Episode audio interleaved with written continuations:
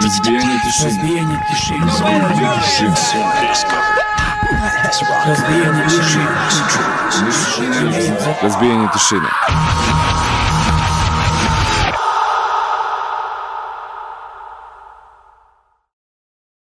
Dobro večer svima i dobrodošli u novo izdanje emisije Razbijenje tišine. Uh, ovo je 1206. epizoda ovog našeg podcasta, odnosno emisije, nazovite kako god hoćete. Uh, I najavljivali smo, eto, proteklih par dana ovaj, da ćemo večeras imati vrlo, vrlo interesantnu emisiju i sa nama je večeras uh, Aleksandar Todorović. Ovaj, došli ćemo danas lutati, ali eto imamo prvoklasnog vodiča uh, kroz uh, hardcore i punk, uh, prvenstveno u, u našoj zemlji. Ovaj, pa Aco, uh, dobroveče i dobrodošao u Razbijenje tišine. Dobroveče Miloše, dobroveče svim slušalcima. Kako je? A evo nije loše. Ovaj, evo, malo pre bio nešto do, do grada i sreo sam Draga. Mnogo te pozdravio. Ka, kaže, e, kad se završi emisija, pozdravi Čiču obavezno. Ja kažem, pa dobro, ajde. I sad mi je ovo palo na pamet, što da čekam posle emisije, mogu odmah to Tako da ti je. prenesem. Kaže, Čiču, Dobri Gudrić. Čič, kaže, pozdravi mi Čiču, Čiča je svetinja. to mi je rekao. Ovo je rekao, važi, Eto, preneću mu sigurno. Dobri Gudre. Da. Ovaj, e, pa eto, Aco, ovaj, nismo se skoro družili. Ovako kao javno, javno. Ovaj, evo, baš sam, baš sam pronašao a, datum Poslednji put si bio kod nas u emisiji pre nego što smo prešli na ovu video varijantu i pre nego što ovaj, je krenula ova korona, to je bilo 24. januara 2019. godine u našoj 1080. epizodi i eto, prošlo je... Tako sam i ja mislio. Tako sam i ja mislio da je bilo nešto kao tipa tri godine da je prošlo. To je to. Eto, posle tri godine ti ponovo kod nas, e, pa dobrodošao, eto. Eto, bolje vas našao. Danas ćemo pričati, ovaj, baš kad, kad sam razmišljao o čemu ćemo sve pričati, uh, baš je bilo teško ovaj, odlučiti šta ćemo i na koju ćemo stranu. I spremali smo kao neku muziku da, da puštamo svima vama koji ste večeras sa nama i od te playliste smo na kraju odustali. od, Tako je. Zato što jednostavno ne bi bilo, ne bismo imali dovoljno vremena jer ćemo krenuti, ovaj, vratit ćemo se sigurno 40 godina unazad, pa eto da, da, da, da mnogo ne, ne duži na početku, da, da krenemo o, o, eto, o tvojim nekim, ovaj, mislim, sad, sad ovaj, predstavit ćemo tebe, ako slučajno neko ne zna ko si, evo sada će saznati, ali pretpostavljam svi koji, koji su sada sa nama znaju ko je Aca Choice, ali ajde da, da, da, da te predstavimo ovaj, i da krenemo od početka. Eto, počnemo od, od, od toga, u stvari, o muzici. Kako si ti u stvari, ovaj, š- kak, o, šta si prvo krenuo da sluša ono kao klinac, ono to mi je uvek interesantno da pitam, ovaj, šta si slušao pre hardcore i punka? Pa isto što slušam i sada. ovaj, pazi, um, pa relativno rano sam ja počeo da se interesujem za muziku. Mhm. Recimo da prva sećanja na muziku me vezuju za pa tamo negde sredina 70-ih, jer tad sam imao nekih 5, 6, 7 godina i tad sam e, prvi put postao svestan muzike kao tako, znači da, da mi je zabavno da ne znam, džuskam Mhm. ili šta god već radim da mi je interesantno da čujem neke stvari. I mislim da su to bile recimo tada, pošto sam e, odrastao u Nemačkoj, i E bila da, je ta neka... ti, si ovo, jesi, jesi tamo rođen ili k- Ne, kako? ne, Aha, ja sam rođen, rođen sam u Francuskoj, u Parizu, pošto su moji čali Kea su živjeli svuda. Znači, oni su ti prvi talas uh, naših emigranata na zapad. Mhm. Znači, oni su otišli još kraj 50-ih, početak 60-ih. Onda sam ja došao kraj 60-ih. I ovaj, sredinom 70-ih, kad sam postao svestan, eto, muzike, pošto su postojale te neke hit parade nemačke, Mhm. E, to je bilo kao, svakim, ja mislim da je to subotom bilo Lupiću sada, ali siguran sam da je bila subota. I onda sam tu, eto, pošto su Čali Kea to gledali i pratili, e, tu sam video recimo e, Bonnie M i tako neke, naš, Dobro, taj, taj disko stvari- koji se tada slušao, a? Tako je, to je taj to je taj prvi ono recimo kontakt s nekom muzikom da sam postao svestan i da bi to bilo zabavno da sam skakutao po kući i taj fazon, znaš. Ovaj sećam se Blondi na primer, sećam se tako tih nekih stvari koje su, znaš, bile više, bili su više pop i ovaj u, u pop kulturi generalno. E, a imao je moj ćale jednog prijatelja Fritz Makedonac. Ovaj Dobro. smešno ime, ali Dobro, eto, dobro, zvao dobro. bio za Nemicu i ona imala e, e, b- b- sina i čerku i kad god smo išli kod njih u posetu, mene Ćale pošalje ovaj, u sobu kod tog dečaka, koji je imao recimo nekih 15-16 godina i nosio je kožne pantalone i neki prstuk sa nekim prišivcima i imao je brdo ploča. Aha. E, I onda je on meni puštao kao, e, ovo je dobro, e, ovo je dobro, e, ovo moraš da čuješ, e, ovo moraš da čuješ, e, ovo moraš da čuješ. Ja nemam pojma, ja imam 8 godina, recimo. Da, da. Razumeš šta je fazan? Ne znam ni šta je, ne znam ni šta je ACDC, ne znam ni šta je Kiss, ne znam ni šta je, znaš, ništa to ne znam, razumeš? Ali eto, to je prvi, recimo, kontakt s nekom tom malom muzikom da, je, da nije nešto što sam video na TV-u, sam došao kroz tog momka, eto.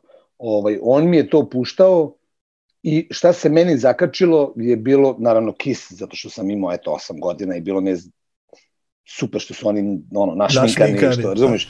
Još kad sam saznao da ovaj da u, pošto sam voleo da idem u bioskop jako ovaj kad sam saznao da će da se u bioskopu da ono davati Kiss film gde oni spašavaju neki zabavni park svojim supermoćima, znači to je za mene bilo kraj to, znaš, pošto sam obožavao Godzilla, obožavao sam Bud Spencera, sve sam to gledao po bioskopu. I ovaj, I eto, Kiss je, da kažem, prva ljubav moja prema muzici. Onako da sam počeo da se interesujem za neku grupu i da sam počeo da ovaj, slušam to kao intenzivnije. Čak sam za, siguran sam da je bio deveti rođen, recimo, dobio od drugara jednog eh, Kiss Hotter Than Hell kasetu, a od drugog drugara sam dobio eh, Queen, ali ne znam kako se zove taj album gde ima Bicycle, Aha. Bicycle Race. Da, da, da. Ovaj, I, dobro, da, mislim, uporedo, kažem ti, sa tim što sam volao da slušam sad, znaš, kao taj Kiss i taj Queen i mi se pojavilo, e, Ćale je bio nešto u, u Jugoslaviji tada i vratio se i brat moj od strica mi je poslao, to je dao je njemu neke kasete. A moj Ćale mislio da su sve te kasete za mene. I Aha. onda mi je dao kasete i tu je bilo tipa riblja čorba, e, kost u grlu recimo da je bio taj album, onda je bilo, ne znam, e, Lupiću sad, ne znam, možda neke divlje jagode ili atomsko sklonište i bila je Lepa Brena kaseta. Znaš, Aha. samo da sam pustio Lepu dobro. Brenu da mi to bilo, ne, ne, ne, ovo nije za mene sigurno. Tu sam se zbunio. Ovaj, ali eto, tako, tako sam došao do muzike i počeo sam da se interesujem, znači kroz Kiss sam počeo da se interesujem, naravno sledeći bend koji, ovaj, koji dan danas smatram jednim od pet najboljih bendova koje sam ikad čuo u životu, ACDC, znači to mi je ono, naj, velika ljubav. I onda je došao Judas Priest. I onda, znači prvo je bio u stvari neki taj rock metal, Rock metal, heavy metal, dobro. Da.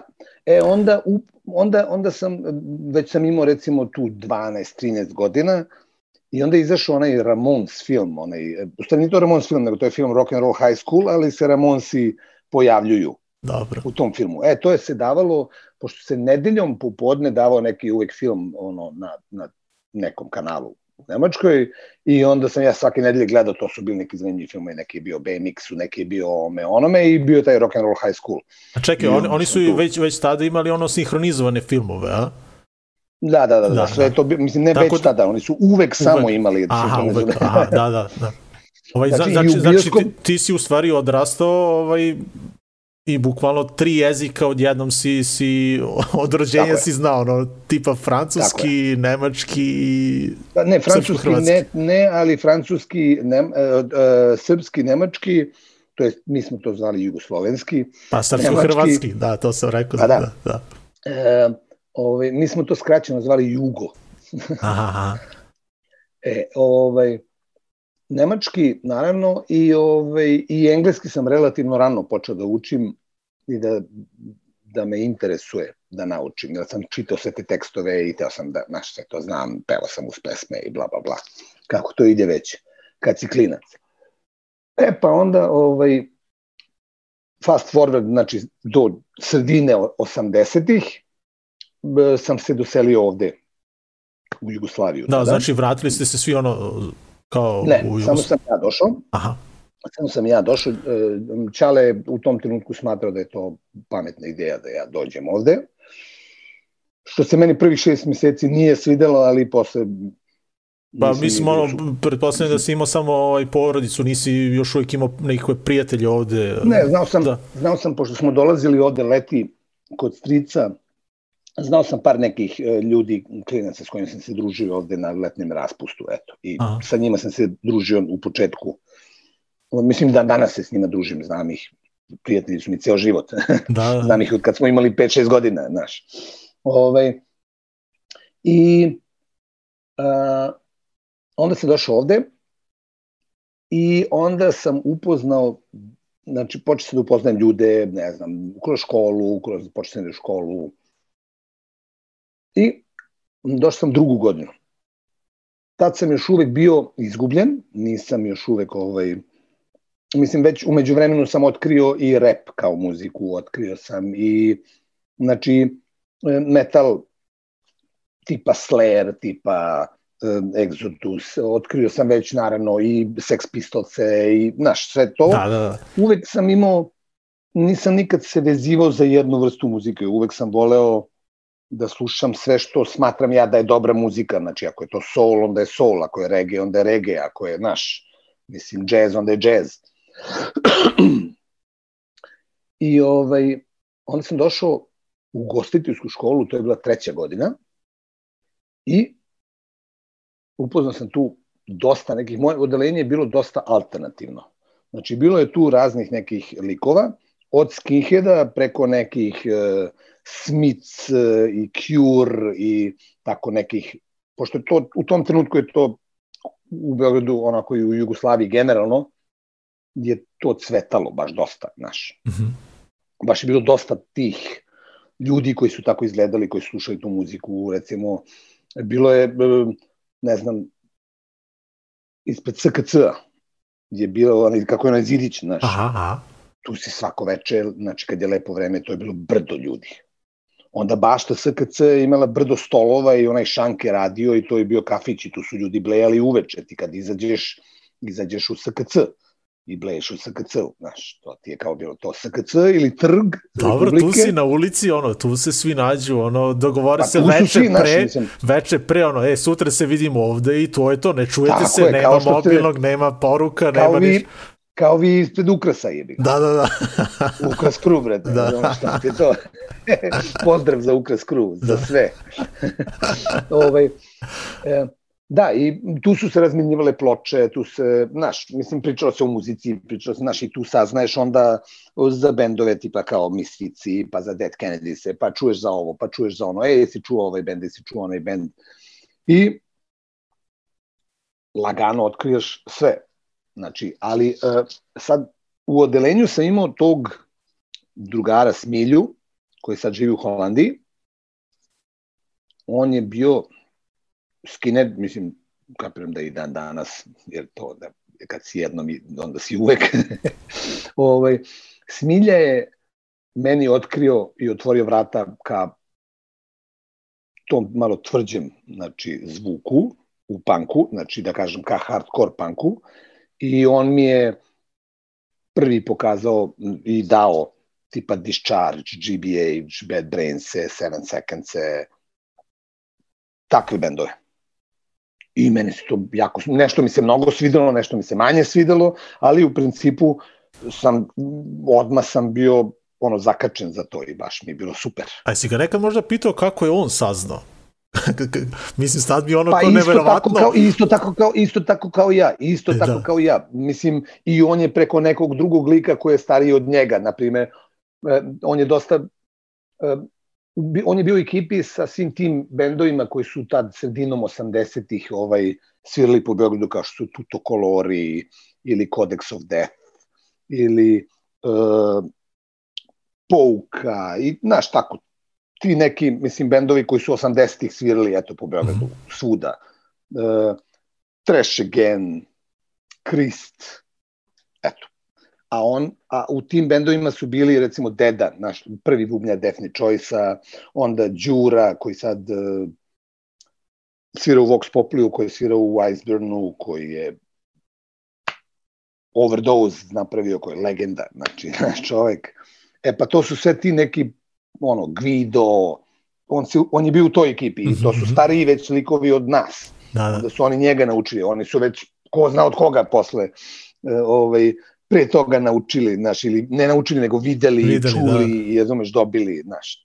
To je to, prenosi se s generacije na generaciju, kao i sada, mislim, i ti daješ mlađima u, u, u mlađoj ekipi u Smederu si davao muziku, tebe je Gile dao muziku i tako dalje i tako Da, dalje. da. Eto, to, znaš, mislim, to tako isto i ovde bilo je. A ovaj... I onda sam tu, Aha, ajde. relativno rano sam upoznao sve te ljude kao recimo Darka iz Dede Dias i Elenu, eto, ta, ta, mislim, kroz njega sam upoznao sve te ljude. Znači, kod SKC je bila ono, kao centar centar razmene Pa da, to je- informacija ovaj, na Da, ulici. da kažemo, da, da kažemo od, kad sam počeo da se kažem ti ono, posle škole odeš recimo u SKC do, unutra i sediš, naručiš kafu, piješ je šest sati i pričaš o muzici, ne znam šta radiš, razumeš? Znači tu bukvalno Znači, do- pokupiš sve informacije, ono, čuješ za neki novi Tako band bukvalno. i šta onda, kao, e, jesi čuo kao ovaj band? E, nisam, ajde, Pa sutra da, ću ti doneti kasetu. ploču. A, ili ploču. kasetu ili ploču ili Aha. znaš ili idemo skupimo se nas trojica i odemo ne znam kod nekog četvrtog e, koji ima recimo uređaj i dek i onda kod njega slušamo ploču i ujedno snimamo odjednom na kasetu tu ploču i onda doneseš kući pa snimiš, ja snim ja tebi, pa ti meni. Znači, to je bio naš internet tada, eto Da. da, kažemo. E, spomenuo si malo pre Darka, on nam je isto bio gost pre jedno dve godine i baš je bila interesantna mm -hmm. emisija, uh, ali evo moram i tebe da pitam, ovaj, kako je bila u stvari scena u Beogradu 80-ih, koliko su često bili koncerti, gde su se održavali, koliko je ljudi u stvari bilo u publici, eto. Od prilike pa, on rekao. znaš Šta, pa da ti kažem, ja, ja, ja ću biti iskren, ja nisam mnogo koncerata ispratio od tih, znači, svih koji su se dešavali pre moje vojske. Znači, bio sam na nekoliko u nekim mesnim zajednicama na Novom Beogradu. Ovaj, da me pitaš sad u kojim, ubi me. Da. Ne, ne mogu da setim. To je bilo pre 35 godina. Znaš. Da, naravno. ovaj, ali sam bio, bio sam, znači, gledao sam neke od tih koncerta i bili su stvarno super, znači, onda sam gledao koncerte u Domu omladine su se već, već su bili koncerti, u KST-u su bili koncerti, naravno. Eto, sećam se da smo, uh, i u KST nismo izlazili kao KST, nego smo išli da gledamo koncert, pa onda posle koncerta smo išli uvek na akademiju, pošto smo na akademiji izlazili. Onda na akademiji sam gledao koncerta, koncerta dosta, ali ovaj, se sećam recimo da to mi je bio recimo jedan od boljih koncerta koje sam gledao, 80-ih, kad su studeni, studeni, kasnije novembar, mm -hmm. ovaj, svirali u KST-u, pa onda smo iz KST-a otišli naravno na akademiju, pa onda na akademiji bleš do 5 ujutru, sediš isto na onom zidiću i pričaš o muzici i ne znam, da. glupostima, ne znaš.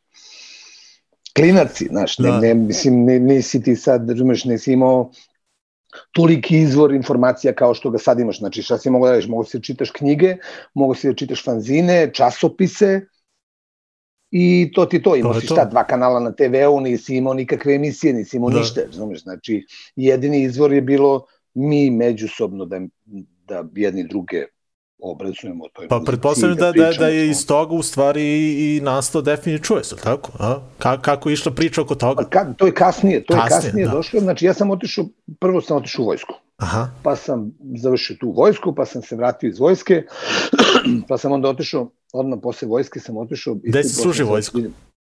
u Vinkovcima. Vinkovci. U Vinkovcima u Hrvatskoj, koliko to, 160-170 km odavde. I, ovaj, I mogu da kažem, mislim, ja sam izgubio godinu dana nepotrebno, razumeš, svog života, ali nisam prošao loše u vojsci, da kažem tako, nisam najebo, bilo mi je okej, okay, znaš, ono, odslužio sam to što sam imao i ćao I to je to, ma da.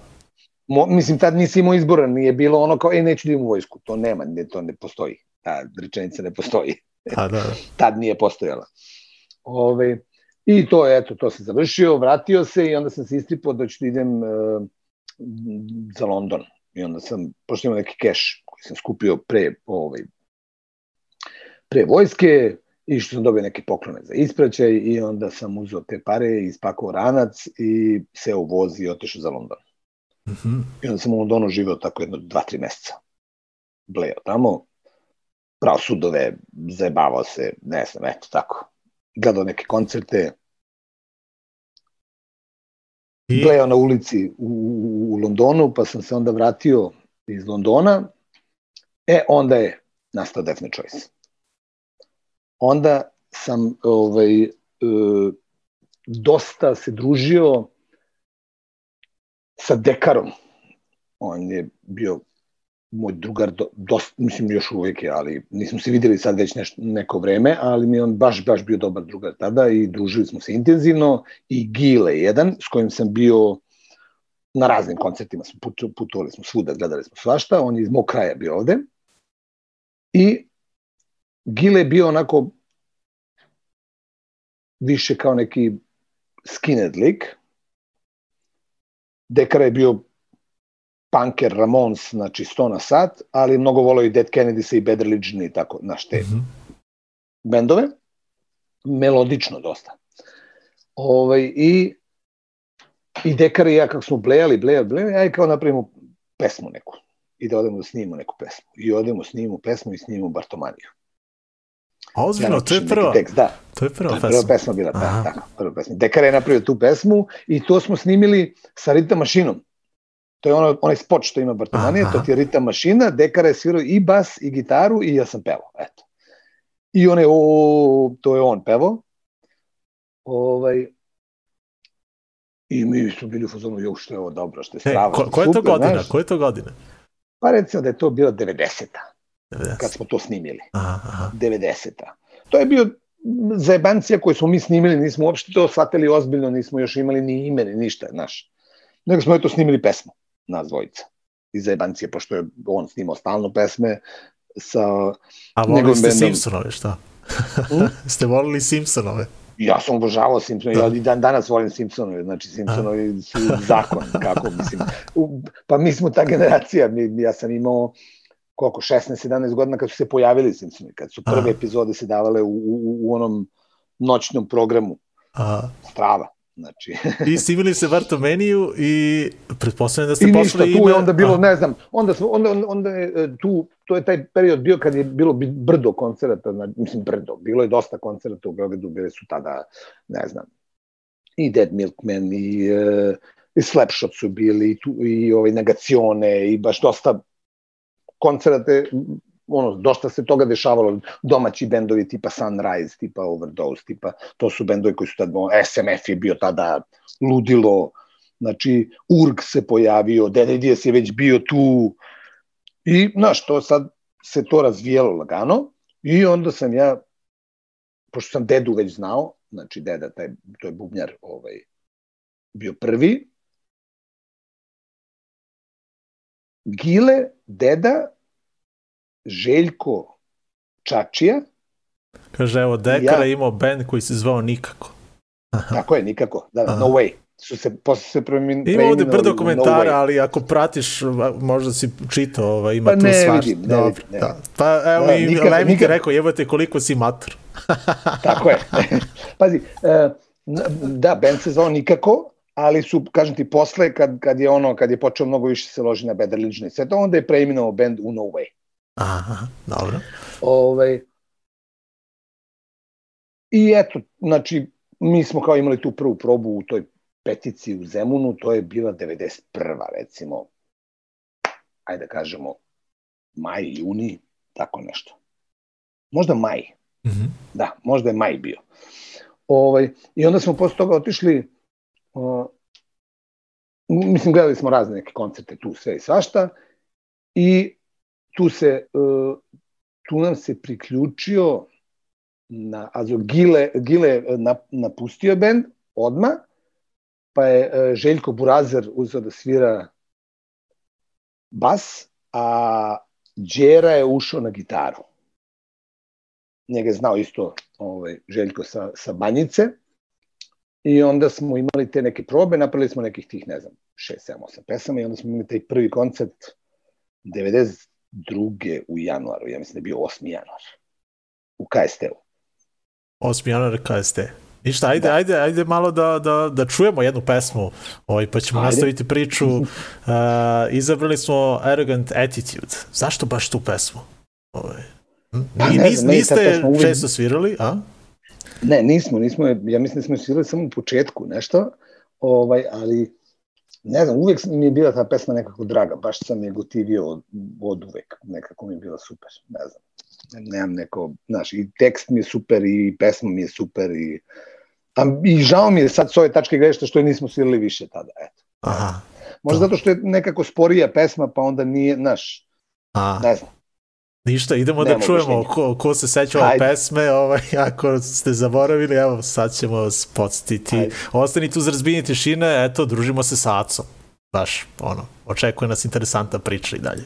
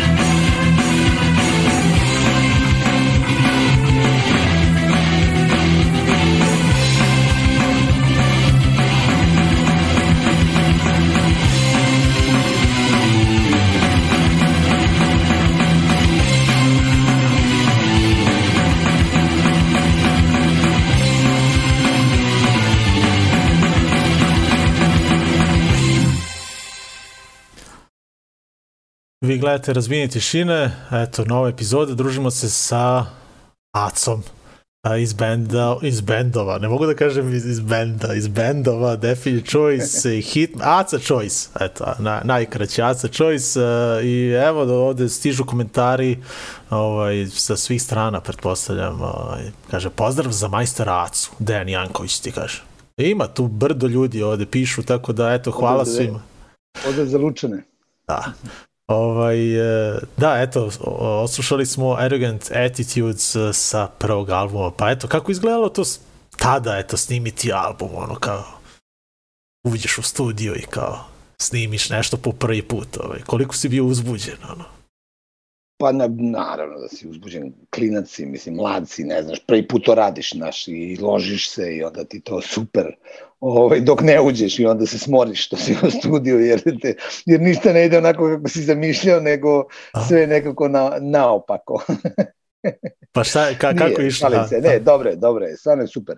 Ovaj, pazi, mi smo snimili, znači, od tad onaj, onu jednu pesmu, Dekara i ja, pa smo posle toga snimili e, tri pesme koje nikad nigde nisu izašle.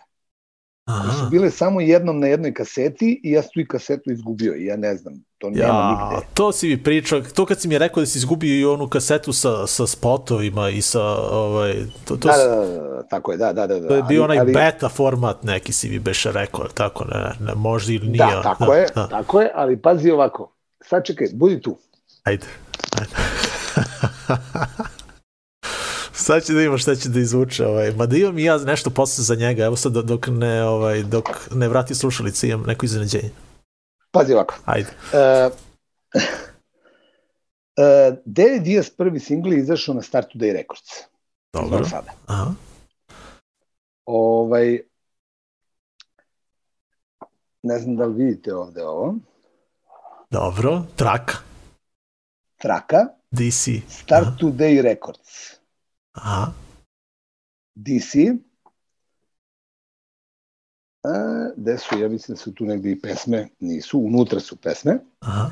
ali eto, vidiš, ta, ta traka je predata u Novi Sad 91. godine. Evo, e, ne, 92. je ovo već. Znači, Aha. Definite Choice, Aca, Đera, Veljko, Korki, Goba. Znači, ova traka je predata bila tamo i to je, tu su tri pesme. We Don't Care, War or Peace i Bartomanija. Snimljene, znači, Aha. da, ga spisak. Mnogo je smešno, znaš. Mnogo je smešno. Ovaj, tu traku smo dali tada njima da izdaju, to je trebalo da izađe na ploči, kao i da je Dias. Ali ovaj, onda je počeo rat i onda se ništa od toga nije desilo. I to je zaboravljeno, to je nestalo. Dok Darko iz Dede Dijasa meni ovo nije donao recimo pre nekih dve godine. Znači, Darko iz Bunari. dobio, on je dobio to iz Novog Sada i čuvao je kod sebe i zaboravio da je čuvao i našao je i onda mi je donao to. E, sad ja moram da idem negde da to prebacim u digitalni format i da ovaj da okačim negde. To bi bilo super. Ja, Da čuju ljudi znači, ove verzije tih pesama. koliko bi to... Ima čak i ta jedna pesma, ima čak ta jedna pesma koja nikad nije nigde izašla. Ovaj, ništa, ta- taj album, ovaj, ja imam tu kasetu, ovaj, sad ću da ti pokažem, dobro, ovo A, je... a ne, a album smo snimili, e, album smo snimili kod jednog ovde lika što ga ja znam u Kaluđerici. Aha, Snimljeni smo u Kaluđerici, kod mene u kraju smo snimili.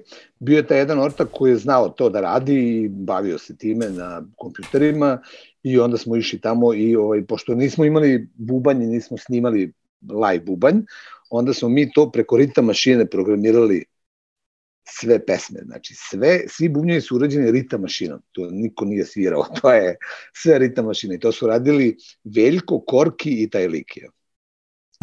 Znači, bilo je onako baš zabavno to ovaj, gledati i pratiti i to je trajalo. Bilo je baš, baš je ovaj, to zahtevalo dosta vremena. A, ali ste imali neku promociju albuma kada, kada je izašao ovaj At Last? Ne, nismo.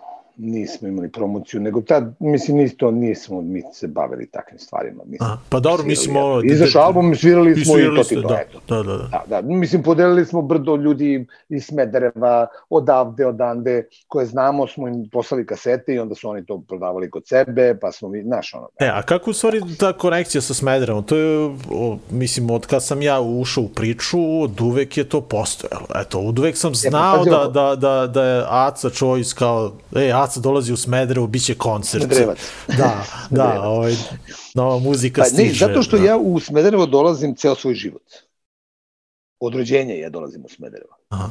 Pošto je moja tetka i moj teča su iz, e, to je moj teča iz Smedereva, tetka se udala u Smederevo i onda sam ja ceo život dolazio u Smederevo. Gore na, kako se zove? Da, Leštar, Carina, šta? Des? Tako je, Leštar. Leštar, E, aha, dobro. Leštar, odatle su moji, ovaj, moja, imam i brata i sestru tamo koji žive, ovaj, ja sam ceo život dolazio u Smederevo i meni znači ja sam od, od, ono, i kad sam već bio u hardcore punku i znao sam već za hardcore punk i sve to sam viđao, kad sam dolazio kod njih da ih posećujem, viđao sam grafite Youth of Today, viđao sam, naš, grafite Exploited, ne znam, po gradu i meni to bilo u kao strava, znaš, a to sad pričamo o 90. godini, recimo, Da, da. 89. 90. 91. razumeš? E, i onda su mi svirali taj neki koncert u, sad ću kažem, to je bio, ja mislim da je to bila rana 93. 93. sećam se da je, mora da je, da je bila rana 93. pošto sam 92. na overdozu polomio ruku, skinuo sam gips posle recimo dva meseca i prvi koncert bez gipsa smo svirali u Kovinu Aha, sa Wild Pigs and Horses. dobro. I posle tog koncerta mi je prišlo jedno desetak klinaca, mislim, meni je to tad u, mojoj, sad ja te pričam šta je u mojoj glavi tad bilo, kao deset nekih mlađih ono, ljudi, klinaca koji su prišli kao, ej, kao mi smo iz Smedereva, mi gotivimo Definite Choice, ajde kao da dođete da svirate kod nas. Ja rekao, ajde, jel vi razmenimo telefon, ja i Crv. Aha, dobro. i Gile, naravno je bio tu, Aha. ali ja i Crv razmenimo telefon i ja kažem, ajde, pošto ja dolazim često za Smederevo, javit ću se kad budem došao za Smederevo. I onda prvom prilikom kad sam došao za Smederevo, sa ono, Ćaletom i Kevom, oni bili tamo, ja sam zvao Crva i otišao kod njega kući. Tad je došao i Gile i tad smo se eto upoznali i tu smo počeli da se kao družimo. I baš smo se u narednih, eto, koliko, 30 godina zbližili mnogo. Baš smo postali, no, mislim, meni, meni su to najdraži ljudi koje sam upoznao u poslednjih 30 godina, eto, da kažem. Oni su mi najbliži srcu. Eto. Da, ovaj, pa da ti koncerti Definite Choice u Smederevu su ono, za, za nas, ovaj, mlađe, ono, legendarni, a pretpostavljam i za, za tebe, pošto su uvek ono, bili skoro rasprodati, ili jesu bili rasprodati. Ja, Pa to da, je- nije, nije to samo bilo za Death Choice tako. Mislim, i Djelje Dijac kad je svirao je bilo ludilo ovde. Znači, znači, naš. Generalno svuda, u, u, svuda su bili koncerti takvi. I u Domu omladine je bio svaki koncert, bez obzira ko je svirao, koncert je bio krcat. Da, da. Ovde, kažeš ti, postoji ta priča da, da, da ono, dolazi band da svira, ono, ja znam da je to bilo za DDS i Definite Choice. Znači, u, u klubu Enigma ovaj, stane 600 ljudi i, i dođe I to je 600 bilo ljudi. rasprodato. Da. Da, Da, to, je, to, to, je, to su te neki, to su ti neki događaji gde, gde, gde ne, ne veruješ. Znači, nije ti, znaš, mislim, došao si u, u, u Smederevo, koje je 10 puta manje od, od Beograda i dođe ti 600 ljudi na koncert. Ja ću sada da ti pokažem, ovaj, pošto sam bio na tom koncertu u Smederevu ovaj, i nisam Dobro. kupio kasetu ovu koju sam ti sad pokazao. Znači, to Dobro. nisam imao pare. Ili zašto već, ne znam. Ali ovaj, imao sam drugara koji je kupio, a onda sam ja uradio sebi dok nisam nabavio. Vidiš? Ja, koji si ti Vidio. car, čoveče. Vidio, ti to je sve car, pisano. čoveče, sa svim tekstovima, brate. Vidio, koji si ti car, Ali, brate. zato što nema Bartomenija, onda sam na slušanje pisao tekst za Bartomeniju i imaš znak pitanja. znači, delovi koji nisam znao šta znači. Zamisli to. Ovo je genijalno, ovo je znači, genijalno. a pogledamo, kaseta je, dakle, Made in Jugoslavia by Jugoton. I na tu kasetu sam snimio. Da. znači, i tu mi je definite choice. I to i dalje čuvam. Znači, pogledaj, to je omot, Jo, sve sa tekstovima. Znači, jedino nisam na- je nacrtao. je. Ma kad, haos. I ovaj, kada sam uh, ovaj, bio, sad ne znam da li je to prvi moj koncert, mislim da nije to prvi koncert Definite Choice-a, ali kada sam bio na ovom koncertu, tad sam, A, dobro, da, da, da, to, da, da, to je dan kada sam krenuo da uh, skupljam uh, koncertne karte.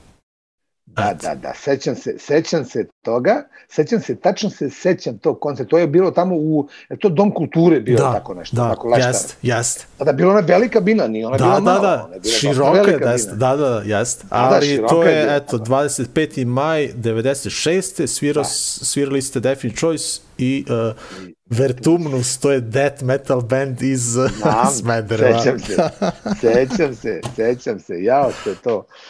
Imam Pa i ovu kartu. Definite Choice i Tigrevi, Da, definitivno tigrevi, kako to, bez toga nikako. to je to. Ovaj, uh, Znači, ovaj, a kako, znam da je ovaj, već od tada, ovaj, i ja prvi put kada sam čuo, uvek nam je nekako, bar za nas ovde u Smederevu, je ono kao friendship, unity, respect, odmah automatski postala neka naša himna ovde. Ovaj, ka, kako ti Pa, ja mislim- doživljavaš tu pesmu? Ovaj? Pa pazi, ta pesma, mislim, mnogi su me pitali to isto što i ti, znači, i reći ću tebi isto što i svima, ta pesma nije bila vezana za scenu.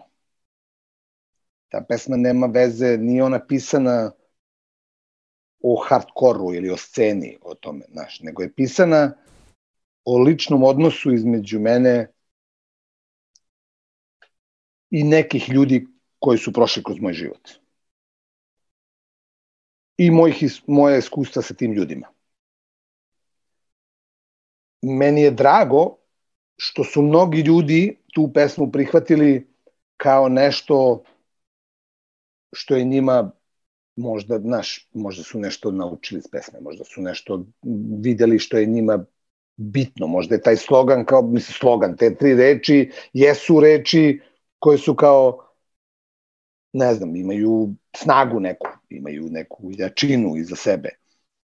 Ovaj, I drago mi je, znači evo vidiš ti imaš ovaj majicu FUR. Ja sam se spremio Balkan. za ovu emisiju, vidio. Tako je, da, da, da, da, da, vidim ja, vidim ja da si ti spreman. Čak, čak sam bio oduševljen kad, kad je Hitman mnogo godina posle toga, kad smo svirali onu mini turneju po Balkanu, kad su Last Hope i Hitman svirali u Istanbulu, naš. I dođem ja u Istanbul i meni priđe lik u majici Friendship, Unity, Respect. I nešto piše dole. Oni su imali ekipu u Istanbulu čiji slogan je bio Friendship, Unity, Respect i imam, dobio sam od njih majice te, imam ih negde, ne znam, imam majice te Friendship, Unity, Respect, Istanbul Crew. Ja sam bio ono, bez reči, bukvalno, znači, drago mi je nekako, znaš, kad tako ljudi neki vide, mislim, neću da kažem da mi je bez veze, jer stvarno nije, stvarno nije super. Da, da. Znači, Pa mislim, ono, Kažem vi, vidio vidi- si, pretpostavljam i tetovaža, ja bar znam, ono, Naravno. bar dvoje, troje ljudi iz Smedereva koji nose... znam mnogo ljudi Da. koji imaju tu tetovažu i ovaj i kažem ti eto to mi je mislim drago mi je što su ljudi videli nešto u u u u nekom mom izražavanju mojih osjećanja i onda su videli sebi sebe u tome znači to je valjda i poenta kad se izražavaš kao neko da neko prepozna to što hoćeš da kažeš Da. I Da. vidim da je ta pesma, mislim, definitivno je ta pesma bila ono, mnogim ljudima bliska i po koncertima znam da je ta pesma uvek bila najveće ludilo kad sviramo, tako da nekako... Nećemo, nećemo je večera slušati, ali ovaj, mogli bismo da, da pređemo i na, na drugi album. Ajmo da, da čujemo jednu pesmu Ajde. sa drugog albuma, pa da Ajde. krenemo priču o tome uh, šta si izabrao. Izabrao si False Embrace. Tako je, Je False jednu Embrace. Pesmu bilo- sa kraja albuma. Da, to je zato što je ta pesma dodata naknadno. Znači, mi smo snimili prvo sve ostale pesme, pa onda smo napravili tu pesmu umeđu vremenu i toliko nam se svidela da smo je snimili i stavili na album kao, jer na kaseti ta pesma nema, a na, na CD-u CD-u pesma ima kao Aha. bonus pesma. aha, dobro. Idemo, False Embrace, Definite Choice, idemo na, na drugi album.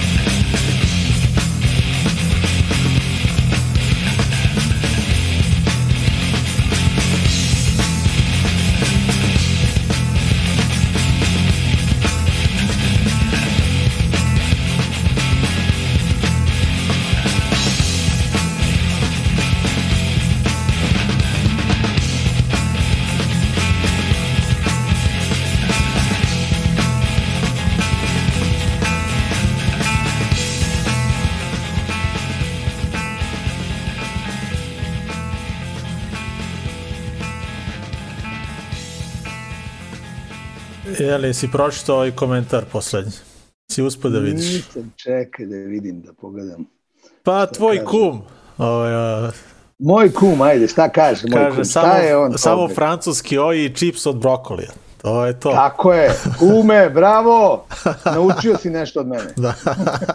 dakle, eto, slušali smo, da, vi dalje gledate Razbijenje tišine, 1206 epizoda, Ghost, Aca Choice, a, pričamo o svemu i svačemu. Krenuli smo ovaj, od 70-ih, pa evo, stigli smo do 90-ih i eto, čuli smo Definite Choice-a njihovog drugog albuma a, Down to the Point iz 96 pesmu False Embrace.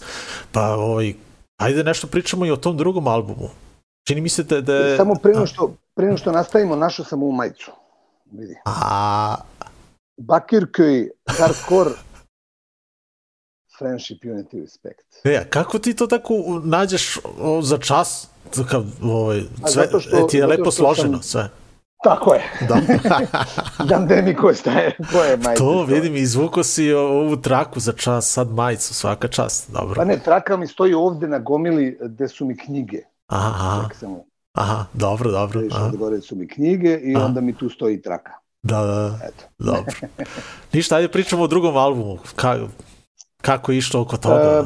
E, Pa drugi album smo snimili uh, posle one kompilacije Witness of the First Discussion ovaj, u istom studiju na Banjici, na bazenima. I ovaj, to je, to je išlo, relativno brzo smo to snimili. Dosta brzo smo to snimili. Ovaj, to je izašlo Silver Cross Records i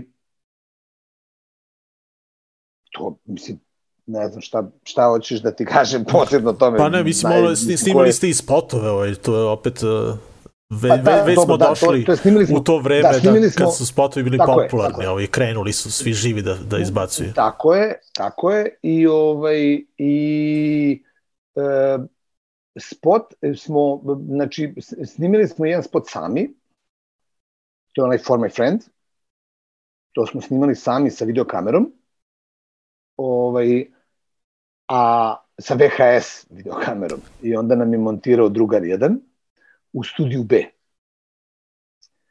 Noću, u noćnoj smeni. Ovaj, a besplatno smo to sve DIY uradili, a ovaj drugi spot za Victim of Blind Justice je u stvari e,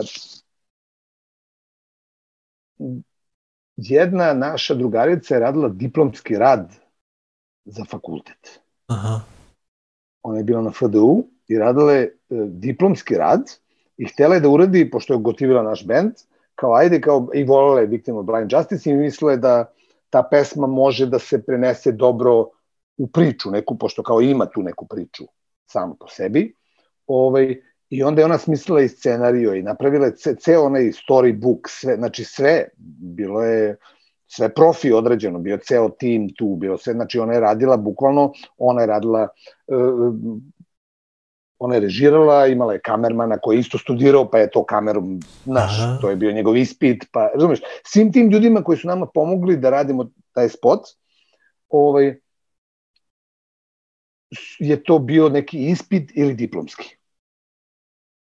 Eto, tako je došlo do tog spota i mi smo ono bili u fazonu super nama je to strava bilo što ćemo mi da naš njima pomognemo da da naprave diplomski a oni A nama oni da vama, da. snime i oni nama snime spot i oni su sve mislim ona imala veza i veza pa je sredila pa je pa smo u, u centralnom u CZ-u smo snimali neke scene to su one u ćeliji pa ono ono kad nas biju u dvorištu pa znaš to je to, Da, to, da. je CZ je kad vučemo one bukagije i to Aha. znaš to je sve simbolika bila tada šta se dešavalo kod nas u, u, u, u ovoj Srbiji 90-ih. I to nam je bilo, mislim, tad nam je to bilo skroz gotivno, super mi bilo. Ja sad kad gledam te spotovi, to, to je meni sad, naš, smešno mi je sad s ove tačke gledišta. E, pa to se da te pitam, pa kako super. gledaš u stvari na, na, na te pesme ovaj, na taj Definite Choice period? Ovaj, Pa ne- ja i dalje neke- volim da, neke- da pustim ono, da, da slušam, I, znaš. I ja, i ja, ali znaš kako, ja sam uvijek bio u fazonu, uh, kad nešto ne, ne mislim više tako, kad ne mislim više na taj način, kao, jer menjamo se, ljudi smo, znaš, ne možeš ti da budeš isti kao što si bio pre 30 godina, Da. znači ni, bilo bi idiotski, jer razumeš, ovaj, menjaš se kao čovek, menjaš stavove, menjaš ideje, menjaš osjećanja, sve ti se menja. Ovaj, ima, to smo, mislim, to, to, to je i više puta mi se dešavalo recimo sa Hitmanom mnogo više nego sa Definite Choiceom, jer baš sam malo prerazmišljao kad sam slušao ovaj False Embrace, sad kad razmislim malo, Definite Choice je tu ceo moj život, ali Definite Choice je postojao zapravo samo šest godina. Taj Da. band nije postojao dugo, taj band je postojao jako kratko. A zašto? Znaš, pa jednostavno tako se to razvilo i to je to, došlo do te tačke da ne može više dalje i nije moglo dalje, razlišli su nam se iz interesovanja i to je to. A ta tačka je uh, 6. decembar 97. Evo, Da, eto ti. To ti je to, stud, klub studenta tehnike. Tad je snimljen onaj live album, Friendship Unit, Da. Friendship Unit Respect Live, Evo. slučajno. Piše, kaže, oprošteni koncert Definite Choice KST 6.12.97. predgrupe Tigrevi Ili i, i Shockproof. Shockproof. Jeste, Tako je. da. To je ta karta. Oj, da ti kažem, um, i tu je snimljen taj album slučajno. To je recimo zanimljiva informacija, to je bukvalno slučajno nastalo. Zato što Ivan Tonac, koji je tad radio u KST-u, je bio u fazonu kad je radio tonsku s nama, rekao je, ovo zvuči do jaja, greota da se ne snimi. Kao da, jel imaš neku kasetu? I ja kažem, te sad da nađem kasetu, znaš, Aha. sedam uveče, razumeš, samo što nisu otvorili vrata. Ja se setim da su mi kola parkirana ispred i istrčim i uzem kasetu D60 TDK, onu providnu, Aha, iz deka. Ne znam šta je bilo na njoj. Znači Aha. nešto je bilo već na njoj. da, presnimili su. Izvadim iz, iz deka, iz kastofona, utrčim unutra, dam mu, ja kažem, snimi na ovo, brate. I on premota na početak i kako počne koncert, on počne da snima. I sad pazi koja je to sreća da se nama, pazi, nama je koncert mnogo duže trajao od e, 30 minuta, znaš, a jedna strana je 30 minuta. Da, da, da. Znači, e, strana se završila tačno u pauzi između dve pesme. I pazi, ajde, ajde što se završila strana, nego je on u tom trenutku pogledao i video da se završila i imao okrenuo. vremena dok nisam i okrenuo, tako da su sve pesme zabeležene na toj kaseti. I on je snimio tu kasetu, mi smo završili koncert, posle toga smo se zezali, išli, zabavljali se s drugarima od svuda koji su došli i zaboravio mi na tu kasetu. I on mene pozove, tipa posle, ono, deset dana i kaže, ej, Sola, znaš šta sam našao sada u torbi? Kaže, ovu kasetu što smo snimili na vašem opuštenom kontu, moraš da dođeš kod mene da čuješ. I on rekao, ajde. I to je zvučalo onako kako zvuči, znači mi smo bili raspamećeni, mi smo bili zonu, jebote, da li moguće da je ovako dobro snimljeno Da, da. na kasetu, razumeš, na najobičniju kasetu D90, da, D60 je bio. I on, u zonu, ono, uradite nešto s ovim. Ja kažem, ajde, šta ćemo da uradimo sa ovim? I nas sretne David Vartabedijan, Aha, kome je on to ispričao i kaže, ej, kao, što ne izdate za Feliksa, kao, kasetu, kao. I mi kao, zonu, ajde, hoćemo, kao, on će da vam da, kao, da će im neke pare za to. Mi kao, ajde, kao, znaš. Mislim, mi onako smo, znaš, prestali smo da sviramo, znaš, ne Da, sviramo da. više. I mi odemo kod njega, a Vige i ja smo tad u tom, trenutku već imali Hitman. I on kaže kao, e, ako napravite dobar kao snimak taj, ako napravite, do, ako ga dobro izmiksujete, ovaj, ja ću vam dati, kao, ja ću izdati to na kaseti i da ću vam keš za to. I ja rekao, vaši, može. I mi odemo u Kragujevac kod Vuje i napravimo taj master na CD-u za, ovaj, za, taj, za tu kasetu. Odnesemo Felixu, on nam da keš i od tih para smo posle snimili Hitman prvi album. Od tih para koje smo dobili za, za tu kasetu je Hitman, pošto smo Vige i ja dali sve te pare koje smo Aha. mi dobili Vuji tada da. i rekli evo ti ovo kao, znaš, nek stoji kod tebe, kad budemo došli snimamo album, to je to. I tako smo snimili prvi Hitman album. Eto. Idemo onda, na, Zanimljiva mala priča. idemo onda na prvi Hitman, ajde da, slušamo malo Hitmana pa ćemo onda i o tome da pričamo. Ajde. Ajde. Thank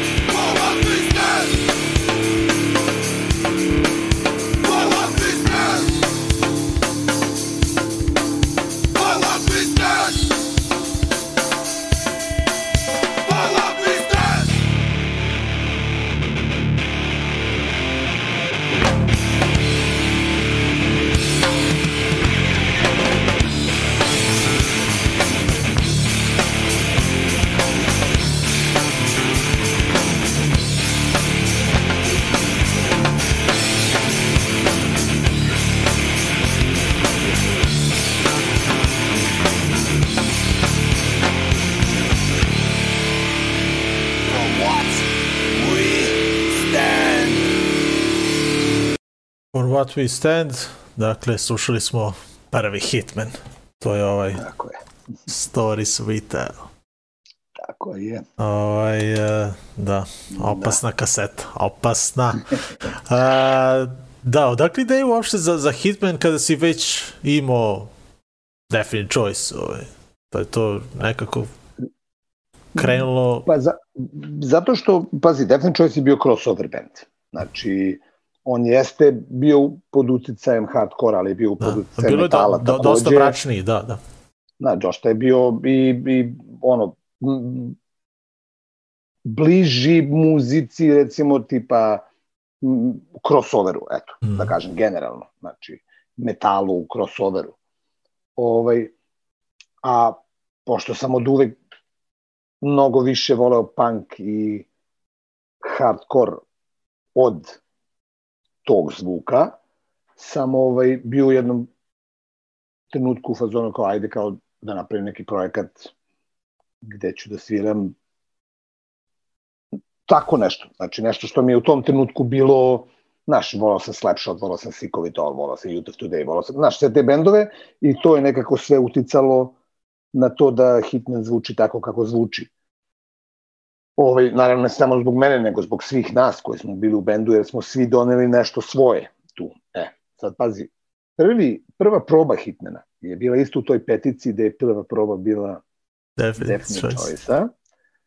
Samo u, nek, u drugom studiju bila i na prvoj probi Hitmana smo bili Vige i ja, koji smo napravili bend. I Bubanj je svirao Škora, bubnjar Remedija, Dede Dijasa, Sunshine-a, a gitaru je svirao Kojot. To je Dobro. bila prva ideja kako to treba da izgleda. Znaš. Kako postao, strava.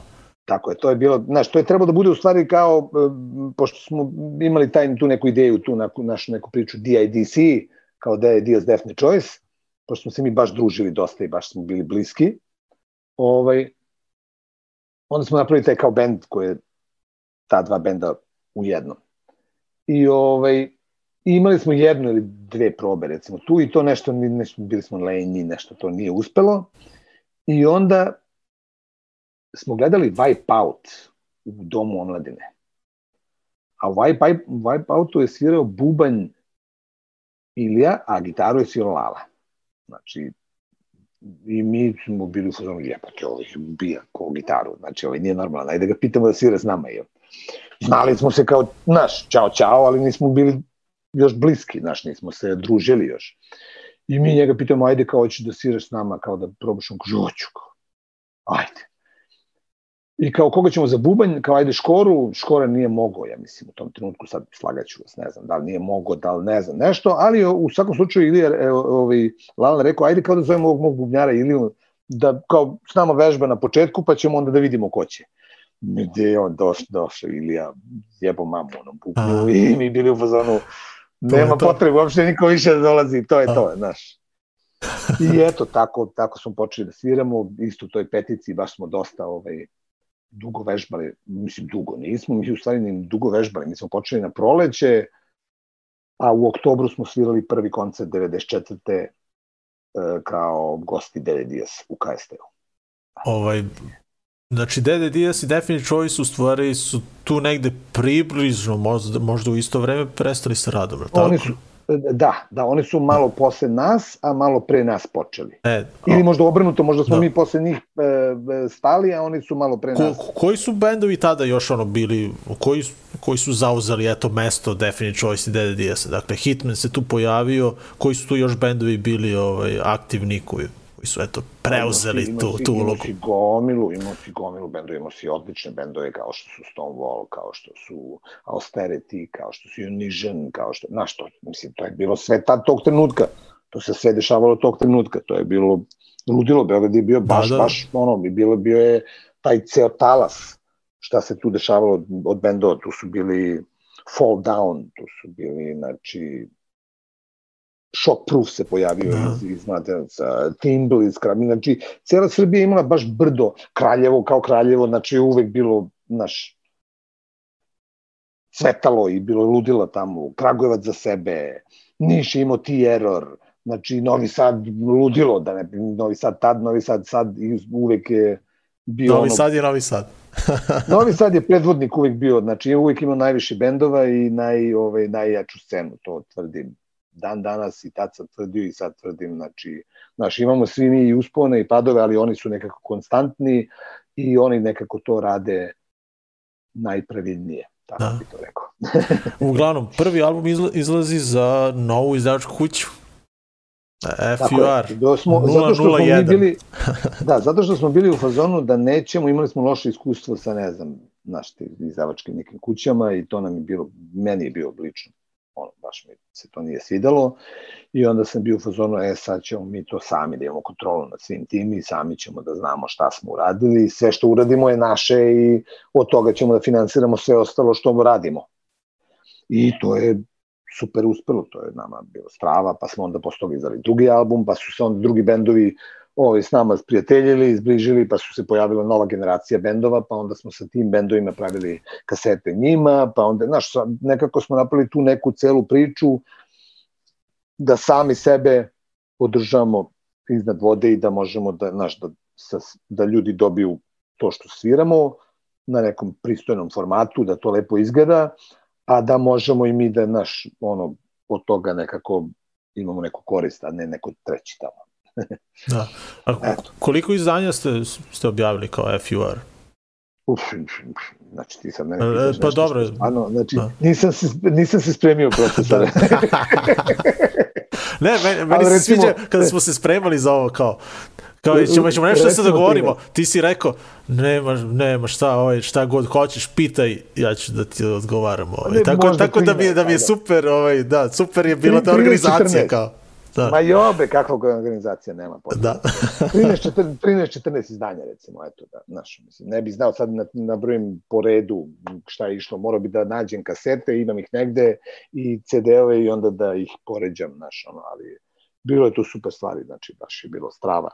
Dra, malo mi je drago što smo se iscimali svi da to uradimo i što je ovaj, to obeležilo Pa koliko je ljudi bilo uključeno u rate, da kažemo, izdavačke kuće? Čime ste se sve bavili? Pa, Dakle, svi. svi, a? svi ti ljudi koji su bili po bendovima, jer svako je nešto doprinuo, svako je nešto pomogao. Drugar Laki je radio omote, pošto je on radio kao dizajner, onda Sale je radio kao dizajner, pa je on radio neke omote, pa onda su ovi momci imali kombinaciju za štampanje, štampali smo omote u Nišu, pošto su i ti errori imali kombinaciju u Nišu da štampaju jeftino omote, pa je Ivica iz Niša pomagao s tim, pa onda, znaš, svako je iz svakog kraja je neko nešto doneo i onda smo doprinili, napravili to, znaš, ono kao, napravili tu celu priču i to je bilo super nekako i baš mi drago što, što je ovaj, to sve se tako desilo kako se desilo.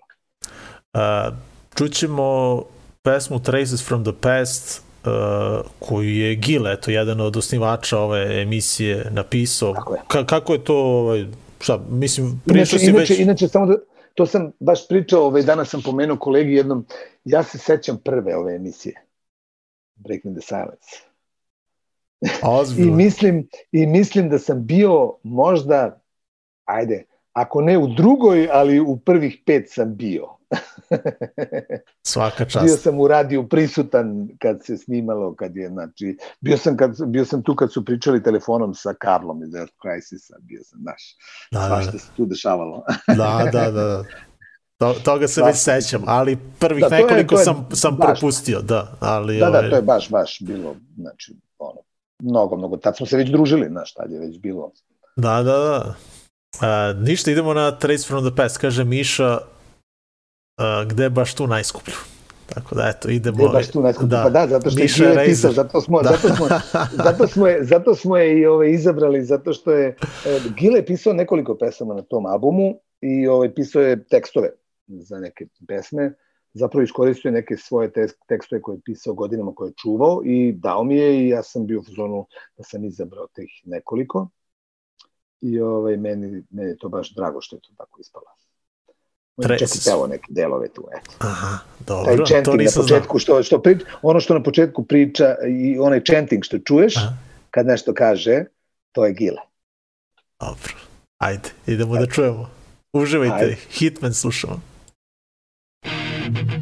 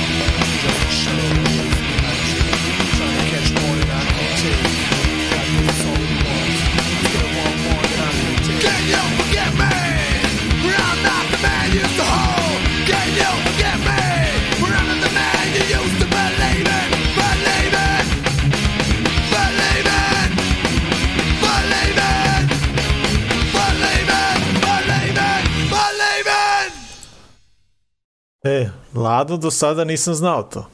Znaš, da Gile priča. Eto, vidiš. Ovaj, da, uvijek nešto novo ovaj, se pojavi, da, to je to, eto.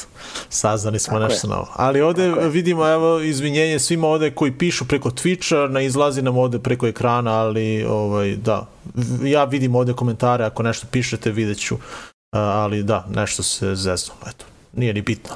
A, uglavnom, a, vi koji komentarišete preko YouTube-a, to izlazi kod nas, tako da sve ok.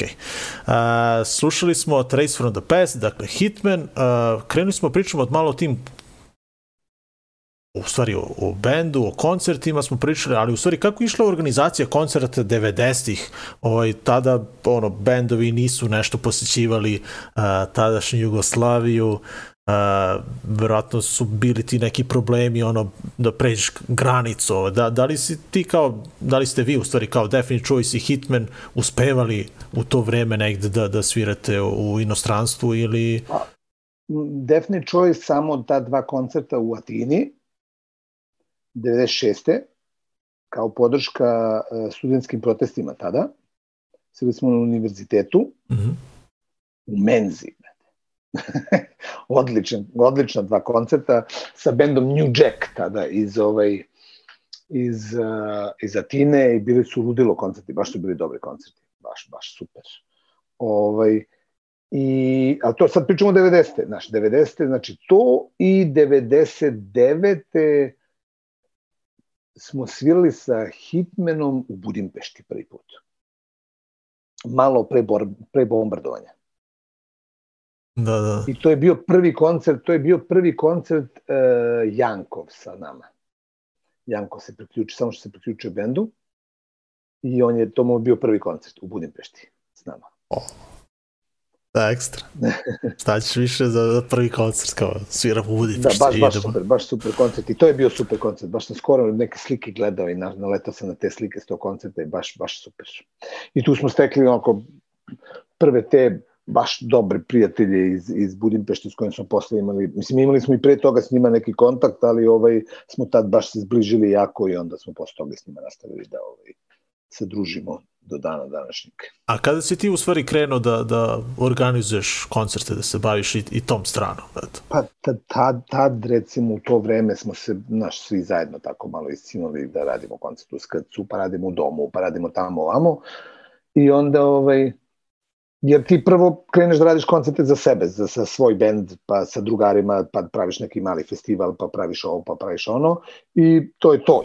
E, onda smo 2000-te napravili onaj novogodišnji festival, to smo se kao svi iscimali, svi, naš, ne znam, 7-8 je bilo, iz, iz različitih nekih bendova, smo kao, ajde napravimo taj novogodišnji festival koji će trajati dva dana, da ga radimo u domu omladine gore, Uh, taj neki lik je radio tamo kao programski organizator, on, je nam, on nam je dao super uslove i onda smo napravili taj novogodišnji koncert koji je bio rasprodat oba dana. Prvi dan smo svirali, ne znam, mi gomilu bendova, drugi dan Vitamin X, Unision, Šaht.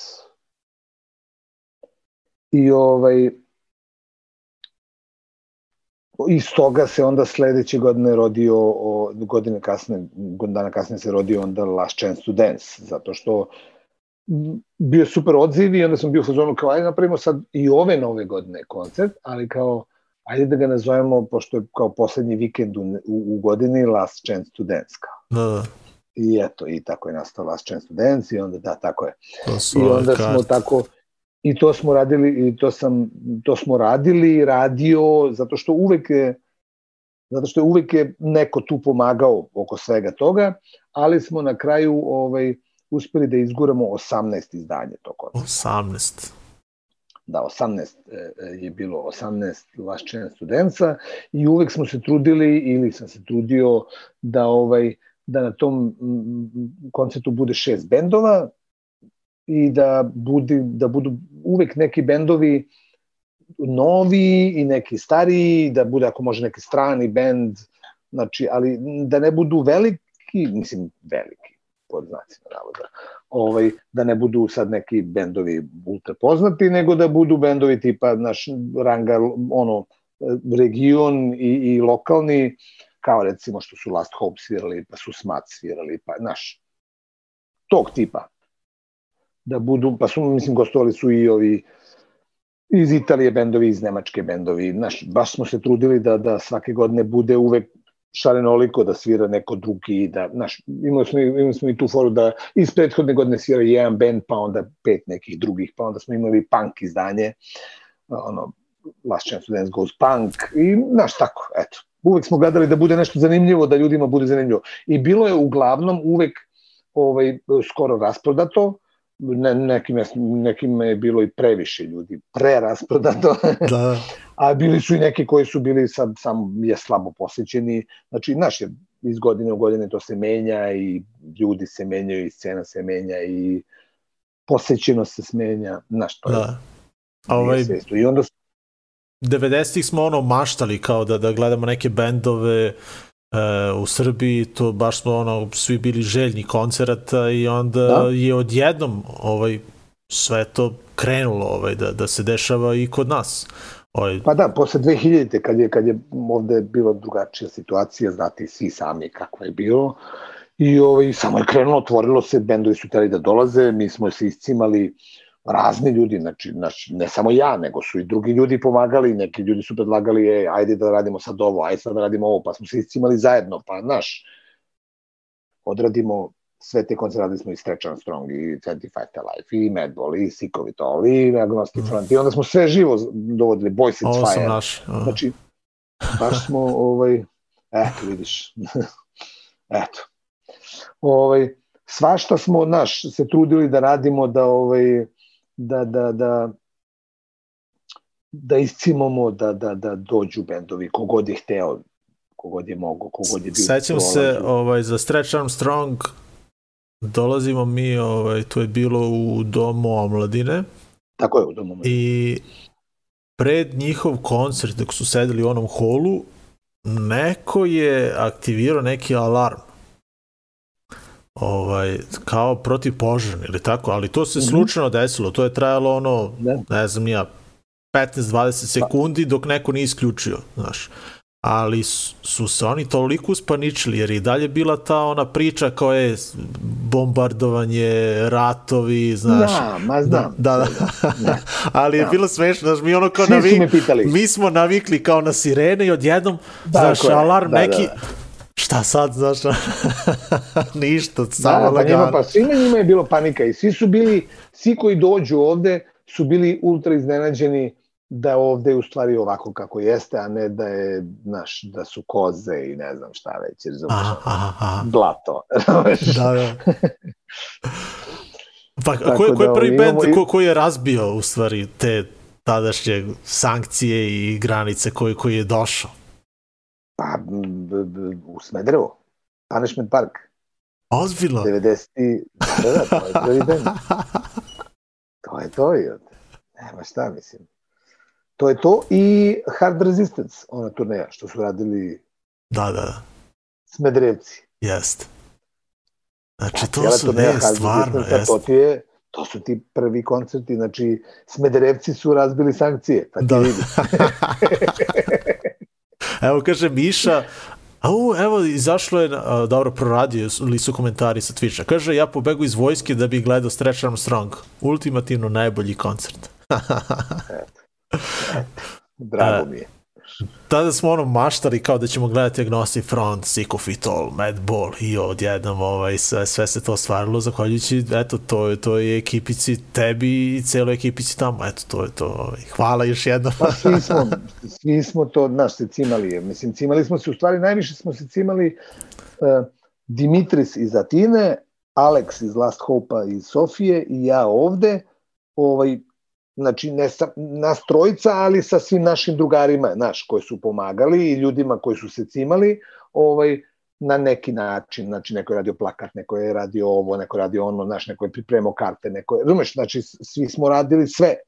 E, a, i ovaj, E, ste bili nervozni ono kao pre, pre, pre taj neki koncert ovaj, kada ste do, dolazili te neke veće bendove da kažem ovaj, kao da li će u, u, uopšte ući u, u, u, ovaj, u našu državu uvek su bili Pa ne, ni, znaš, nekako nisam razmišljao. Nisi o tome razmišljao? Znaš. Nisam nikad razmišljao o tome. Ja sam uvijek bio u fazonu, to, to će da se desi. I ako se ne desi, kao što je bio problem ono sa H2-om, sećam se da ovaj, ne znam ko od njih, da, njihov tour menadžer je smislio da on može da putuje kroz celu Evropu bez pasoša. Ona je H2O prvi u, u, domu, u, u, u SKC-u. Ja. On je smislio da on može da putuje kroz, razumeš, celu Evropu bez pasoša.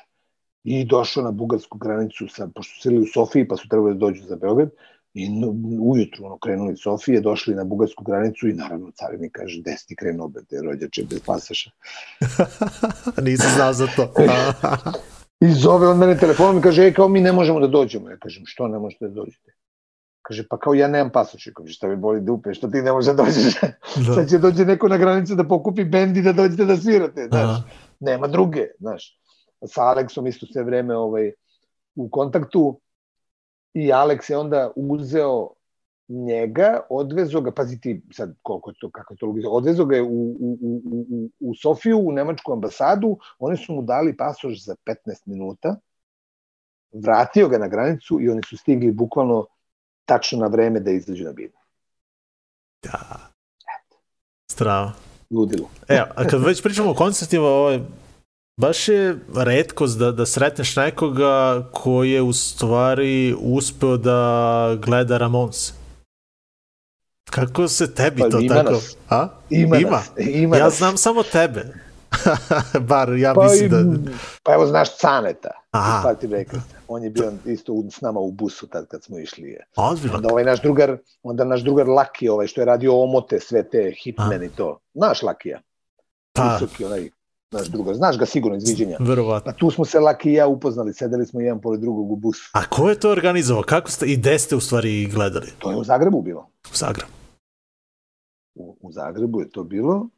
Ovaj, I odavde išao ceo autobus. Znači, mislim, ja znam za taj jedan, možda je bilo i više autobusa, ali ja sam bio u tom jednom autobusu u kojem su bili, ne znam, i cane i tako Gomilo nekih ljudi koje ja znam iz tog vremena, s kojima sam se ja družio i išli smo i gledali smo te Ramonse i to je nama bilo, znači, Pa naravno su da je bilo... Ramonsi bukvalno među ono top 5, mislim ako ne i omiljeni band svih vremena, eto da kažem, što se vidi i po majici Hitman i znaš, mu radili smo Da. Hitman majice kao Ramonsi, to baš, znaš. I to sam uradio tu majicu Hitman bukvalno po uzoru na majicu koju sam ja kupio na koncertu Ramonsa tad to veče. Ima ona fluorescentna Aha. slova i dole onaj krug i piše Johnny, Joy, CJ i Marki. Strava. I to ti to, eto. To su Ramonsi. A, Tako, to su Ramonci. a, Kad su svirali Psihomodopop kao njihova predgrupa. strava. Psiho vodopop. I Ramonsi. Da, Dobro, oni lep koncert. Ramonci iz Zagreba. Je. Da, da, da. E, ništa, ajde pričamo malo i o ovom Split izdanju. Uh, od uvek je postojala ta neka drugarska veza, već si spomenuo Aleksa iz benda Less Hope. Uh, pa, eto, možemo i da čujemo pozitiv vecicu, ja sam izabrao, nadam se da se slažeš, a? Može, naravno, to nam je pesma koju smo baš ovaj, voleli. Mislim, volim je dan danas, to je baš onako super. Jedna i Pa, poruka i pesma i znači priča cela i nekako baš mi je draga ta pesma. Bliska mi je jako, jako, jako. Idemo. Eto, Pozitiv vecicu. ajde. Can you dig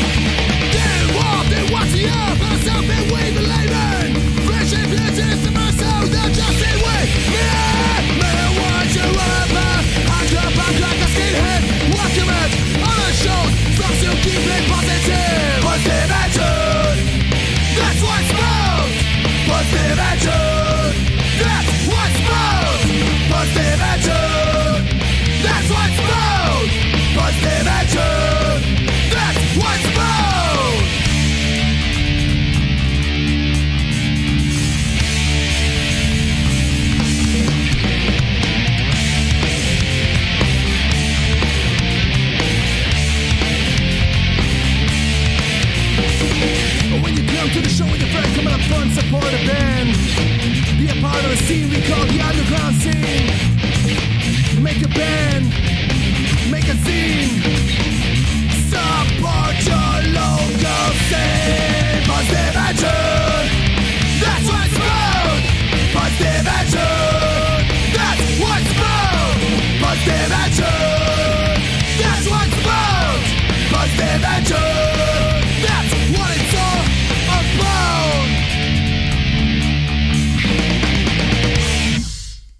E, Aco, pošto smo već ovaj, prešli smo pola 11, rekao, je imaš neke obaveze, ovaj, ćeš da... Nemam. Dobro, nemam, ćeš da produžimo do 11 da El pričamo. smemo, el smemo da produžimo?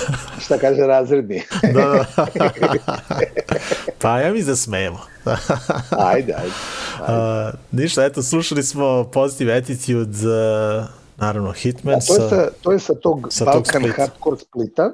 To je nastalo, ovaj, to je bila ideja moje i Aleksova, pošto eto, te 2000-te smo se ovaj, smo se e, e, upoznali i, mislim, upoznali smo se mi, da, u stvari, to je bilo, ta, da, da, tad je bilo to. Kad smo išli da gledamo Suicidal u, u Sofiji, tad smo se upoznali, ali smo se zbližili tada kad smo mi, kad su oni došli ovde da, da gledaju Integrity, onaj što se nije desio, Da, znam. Pa onda, ovaj, pa onda smo posle toga mi pozvani bili da sviramo kod njih na njihovom Christmas festu. Aha. Christmas fest je bio u Sofiji ono što je ovde bio Last Chance to Dance. I nekako Aleksov i moj put je nekako uvijek išao ovako paralelno jedan uz drugog. Čini mi se da i dalje to ide tako, tako? Pa manje više, Manje da, više, a? jeste.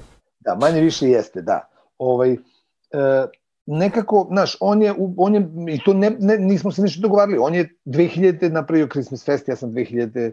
počeo da radim sa ovim ljudima taj novogodišnji. On je nastavio Christmas Fest, mislim, njegov Christmas Fest i dan danas se dešava, Last Chance ne postoji više, nije bitno, ali e, Last Hope postoji dalje, Hitman ne postoji više.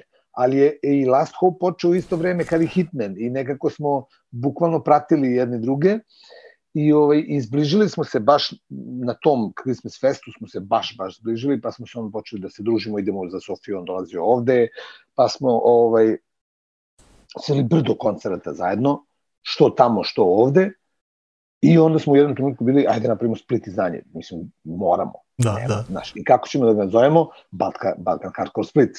Kako drugačije, znaš, jer smo imali taj ceo fazon Balkan Hardcore, Balkan Hardcore, jer su svi bili u fazonu Dobro, ovaj FUR onaj Balkan. hardcore, a mi, To je, Pa to je, zato što smo, mi smo uvek e, bili u tom fazonu kao, znaš, mi smo sa Balkana, nismo da, da, to je to. nešto, znaš, Da. nije to, razumiješ. E, i onda smo ovaj, razvili tu celu neku priču, zezali se, putovali, svirali zajedno, pravili razna izdanja, neka, eto, neka, neka kolaboracije razne su se dešavale tu između bendova, gomilu bendova odavde je sviralo tamo odjednom, gomilu bendova odande je sviralo ovde odjednom i tako. Zbližili su se te scene baš jako. A umeđu vremenu Aleks i ja smo postali baš, baš bliski prijatelji, da ne kažem porodica, baš smo naš. Da. I privatno, nevezano za muziku smo baš, baš onako se zbližili. Ovaj, pre nego što dođemo do, do kraja postojanja benda Hitman, ovaj, da, da ostanemo tu negde u tim godinama 2000-tim, ovaj, da, da spomenemo i ovo. Ovo si isto ti bio. Tako je. Tako je. Chandu. To je, Šta da, je to je bio O čemu neki- se tu radi? to je bio to je to je bio moj neki san koji sam imao da imam e, pošto mi to jer kad sam putovao pre sam viđao ne, ono po Nemačkoj i Londonu te radnje neke gde si mogu da kupiš i ploče i majice i svašta, razumeš ono. E, ja sam teo tako nešto da napravim ovde, jer sam radio cele 90. sam radio kao barmen i imao sam naš ono, šteđevinu neku i onda sam uzeo i ovaj 2000. godine sam uzeo i investirao sam to u otvaranje tako jedne underground radnje. Piše. Underground Store. Chandu. Tako je, Stay tako true, je. dress hard. Tako je. to su te neke zajebancije bile koje smo ovaj, pravili tada od 2000. pa sve do 2005. je to trajalo. U tom formatu je trajalo samo dve godine, naravno, ovaj, onda se to, eh, onda sam eh, se udružio sa gitaristom nekadašnjim Defne Choice-a, sa Veljkom, Veksom, i onda smo zajedno to radili, pa se to malo više pretvorilo u, ovaj, u i dalje je bio underground uh, store, ali je mnogo više bio baziran na skateboardingu. I onda smo posle toga otvorili, uh, udružili se sa Mod 69, koji su bili više u, u smeru ono uh, military i Fred Perry i tako ta ekipa. Ovaj, i onda smo s njima napravili Mods 69 vs. Chandu. Aha. Ovaj, I to je trajalo isto par godina i onda smo jednostavno prestali. Mi, oni su nastavili, mi smo prestali, razišli smo se, ja sam počeo da radim nešto drugo, on je počeo da radi nešto drugo i ovaj i to je to. Da. Ja sam tako se bavio nekim drugim poslovima, radio sam neko vreme za Vans u Srbiji, Ali dobro, Chandu je bio, bar za mene, pa. ono, do, dosta značajna na prodavnice, jer ono, mogu si da dođeš i da kupiš uh, disk, svašta si Da. da. da kupiš. dobro, da, Dux, majicu, ali ja sam i da prvenstveno čuješ- zbog diskova dolazio, da. Pa dobro, i mož, mogo si i da blejiš i da slušaš muziku i da ne znam, eto. Mislim, tu su se skupljali ljudi, bile su ekipe, neke menjali su ekipe, razne ekipe su dolazile, odlazile. E, Tu su grafiti pisci bili, tu su pošto smo i grafite, ono, prodavali smo sprejeve i kapice među prvima u, u, u, Beogradu, pošto sam i, ono, veliki fan grafita, ne znam sam da ih crtam, ali sam veliki poštovac tog te vrste umetnosti i onda sam bio u fazonu, pošto sam znao dosta ljudi koji se bave tim i oni su imali tu muku da nabavljaju te kapice i to, pa sam ja uzeo, pa sam uvozio te kapice, pa onda, znaš, eto tako, smo otvorili neka vrata nekim ljudima, mislim, ne kažem sad ja da sam, ne znam, napravio revoluciju tu neku, ali mislim da sam Ali je to nekim ljudima, možda, možda sam nekim ljudima olakšao neke stvari i ovaj, i bilo je super nekim ljudima da nabavljaju tu muziku, da, znaš, eto, to je. Da. Spo, spomenuo, si, lepo. spomenuo si sad uh, umetnost, ajde da, da pričamo možda malo, da, eto, sad mi palo na pamet što da ne, da pričamo i o tetovažama. Oj, kada si uradio Dobro. prvu tetovažu? 89. godine. 89. godine sam radio prvu tetovažu u Londonu. U Londonu? E, si, Londonu, da. kako ti je to ono palo na pamet, kao? Šta što? A, b- ušao sam u jednu prodavnicu da kupim Harringtonku. I u prodavnici je radio skinhead i bili su njegovi drugari tu. I oni su bili skoro zatetovirani. A dobro, ja sam već znao i za tetovaže i sve, sve to našložio sam se ja već i na Henry Rollinsa i na, razumeš, na meni to sve je bilo već do jaja. I ja sam bio fazonu kao, ej, kao, ja, strava, kao i sad nisam znao nikog koga da pitam ovde za tetovažu u Srbiji. I onda sam, kad sam njih video, a i u Londonu nisam znao nikog koga da pitam, sem nekog da zaustavim na ulici, ali kad sam već bio tu, ja njih pitam kao, ej, kao, de, de, kao tetovaže, de da se tetoviram, volio bi ja da se tetoviram, oni kao, pa kao, evo, tu imaš kao dve ulice odavde, imaš tog lika jednog, on nas radi, idi kod njega, on je cool, kao, i nije skup. I ja rekao, ajde, hoću, i daju oni meni adresu, i ja odšetam do tamo, i to je, to je recimo zanimljiv, to ja nisam, tek posle sam ja to prepoznao. E, znaš, onaj omot od Oasisa, What's the Story, Morning Glory, tako, ona, ona ulica u Londonu, Aha, dobro. ima Oasis taj album, e, ima ta ulica i tu se vidi, u toj ulici se vide ta vrata od tog tattoo shopa gde sam se tetovirao. Stvar. da, to je na, ovaj, u tom delu grada, je ga, ovaj, gde sam se ja kretao, tu ti je Carnaby Street. A ovaj, si, si, si samo ušao unutra, si imao predstavu šta No, hoćeš? ušao sam, to su bila crvena vrata, ušao sam unutra, bile su stepenice ovako na gore i onda sam se popeo u stepenice i prošao kroz neka vrata i onda sam ušao u neku prostoriju gde sam se raspametio, jer su bili svude po zidu ti fleševi. Ovaj, bili su crteži njegovi koje on kao, znaš, možeš mogu si da izabereš šta će da radiš. Mislim, ja sam ušao unutra bez jedne jedine ideje šta bi mogo da uradim. To je naš prva tetovaža ikada, nisam ništa imao u glavi. Znači, totalno prazna mi bila glava. Samo sam teo da uradim tetovažu. I onda sam ušao i onda sam video, ovaj, video sam, e, pazi, tetovaža prva moja je jako, meni mnogo draga, ali je, smeći se, mnogo jaka. E, lobanja sa krilima slepog miša koje gori. Eto, to mi je prva tetovaža. Meni je to bilo, znači, tada u to trenutku ja sam bio u ja sam najkuli lik na svetu, imam tetovažu na ramenu. I ovaj, sećam se da nisam ni, ništa, ni on meni nije objasnio ništa, ja treba da radim ni da mažem, ni ništa, to su napravili neke kraste, to je otpalo, to je sve super i tetovaža dan danas, evo, koliko, 30 i tri godine kasnije i dalje stoji na istom mestu, sve je super, sve je Be, odlično. bez održavanja. bez održavanja.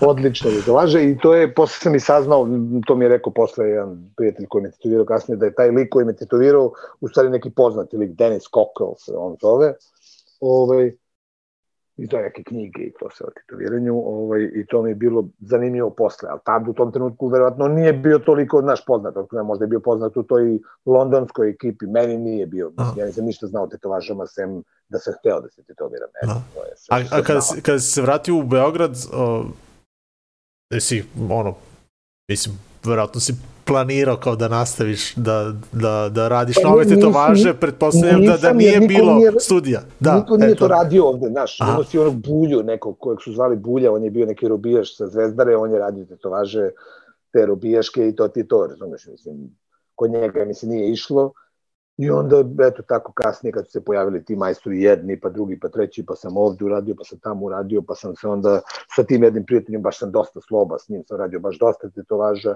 pa onda posle ovaj, drugi, treći, peti, šesti, i onda kad sam ovaj, počeo da se bavim ovim poslom, kad sam počeo da na turneje i sve to, e onda samim tim na svakoj turneji uradiš neku tetovažu kao tur tatu, pa onda uradiš naš ovaj, sa ovim bendom, pa kao na, mi iz benda, on iz benda i ja imam tu tetovažu, pa onda sa ovim bendom, pa sa ovim bendom i onda skupljaš tako iz cele Evrope, svuda majstore, pa upoznaš ovog, pa kaže, e, ajde, hoću ja da te tetoviram, ajde, i onda, eto, tako. Da. Imam tog prijatelja u Drezdenu, i recimo imam prijatelja u Drezdenu, koji je bio i ovde u Beogradu i tetovirao je ovde u Beogradu, kasnije, ali kad sam ga upoznao, on je tek počinjao i on mi uradio jednu tetovažu i onda smo se dogovorili, kad je on radio tu tetovažu, pošto smo se baš zgotivili odmah, on i ja imamo taj deal, e, kad god sam u Drezdenu, on mi uradi tetovažu. Znači svaki put kad sam u Drezdenu, ja dok ovi radi tonsku ili nešto, ja odem kod njega, uradim tetovažu. Sad dalje mala, dalje velika, nebitno, ali mi svaki put uradi jednu. Kaže Rajko nešto kume, bulja, nanikin, kum. Ne znam šta, šta to znači, ali... E, pa to je Bulja, Bulja taj sa Zvezdare, od njegove, o- od moje kume. A, e, eto, dobro. Ništa, se vratimo na, na Hitman i na, eto, posljednje izdanje, Overstand. A, I dalje, ovaj, se, ono, pamtim kad si me pozvao i rekao, e, na albumu ćemo imati pesmu Breaking the Silence. A, I ako možeš da, da uradiš kao neki intro za tu pesmu.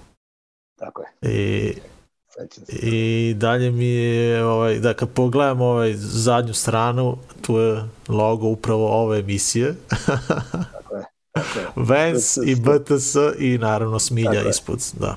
Ovaj, tako je. baš je, uh, ovaj album je ono, baš svetski odrađen i interesuje me kako u stvari došlo do te saradnje sa, sa ovom izdavačkom kućom iz Nemačke, Svel Creek. Pa, uh, Last Hope su izdali već bili za njih nešto. Uh, tog Badara, koji je vlasnik, je ovaj, uh, on je Super Hero Records. Uh, njega sam baš, upoznao sam ga kad su bili 25 to Life ovde. Mm -hmm. on je bio s njima. I dan danas, kad god sam u Berlinu, ja se vidim s njim i često kod njega i ovaj, prenoćim i on je, mislim, ostali smo prijatelji, to ću da kažem, on je mnogo jedan gotivan lik koji, koji se interesuje za muziku koja nije samo sa zapada, nego njega zanima svašta obskurno, zanima ga i, znači, najčudnija mesta nalazi gde ovaj, gde nalazi bendove i muziku i nje, njemu je Balkan u jednom trenutku bio jako zanimljiv i onda je on radio dosta i sa Vendettom je radio i sa kažete Last Hope-om, pa je onda on napravio jedan bend koji je, koji je ludački bend gde je svirao gitarista Prodigy-a, bubnjar ne znam kog benda, e, basista isto nekog poznatog benda tipa Lubiću sada e, recimo Downer, tako nešto Lupiću i pevo je Šuta Ludi iz Vendete što peva u Vendeti. Da, Zvao se Doom Day taj band. I onda je to napravio taj band, pa je onda izdao njima album. Pa onda, razumiješ, eto tako, to imao je projekte te neke ludačke, e, i onda je on čuo da mi snimamo novi album i bio fazon, e, ja hoću da izdam. I mi rekli, super, može. kakav je deal, takav je takav, super, ok, i onda je on ovaj, izdao to sa svojim prijateljem iz uh, Svel Krika i eto, to ti to. Tako je došlo do tog albuma. A, uglavnom, album je sniman u Smederevu i, i eto, mi smo kao pevali te kao prateće vokale, drali smo se je. za upravo za, Tako za. Breaking the Silence pesmu, koju nećemo slušati danas, mada smo je slušali sto puta u ovoj emisiji, naravno. Da. ali e, da, album Kida, a možemo pričamo možda o tom posljednjem koncertu i eto, zašto je u stvari došlo do posljednjeg koncerta, ako možemo da pričamo o tome ili... Pa možemo, da, zato što ovaj, iz, zdrav, iz zdravstvenih razloga. Znači, Ilija je imao problem sa srcem, ima ga još uvek, i ovaj i nije lekari su mu rekli da ne bi trebalo više da svira zato oni ne svira više mislim redko kad svira i sa Concrete Worms to ne znam kad su poslednji put svirali Mm. baš i ovaj i jednostavno njemu je ono kad je dobio to, to kao kad su lekari, rekli da ovaj da ne bi trebalo više da se svira da ne bi trebalo da se napreže da ne bi trebalo razumeš ja sam bio u zonu to je to nema šta više. On je bio u fazonu da nađemo drugog bubnjara, ja sam rekao da to ne dolazi u obzir, mislim i Lala je rekao da to ne dolazi u obzir, jer Mm. ovaj, tog trenutka nas trojica smo svirali već 18 godina zajedno. I nekako, šta ću sad ja da uzem, stavim neku, mislim, imam ja brdo ljudi koje znam i koji su odlični bubnjari i sve to, i verujem, i posle sam svirao i sa Zekom i sa, znaš, sa Vladom sad sviram i to su sve dobri bubnjari, ali nekako nisam, nismo, niko od nas nije mogo da zamisli da izađemo mi na binu i da sviramo kao hitman, a da nema Miliju iza sebe. Da. On je nekako bilo naj, najpotporni ono, stub svega, on mi je bio najveća snaga tog benda. Ako mene pitaš, najbitniji član tog benda je bio Ilija. Eto.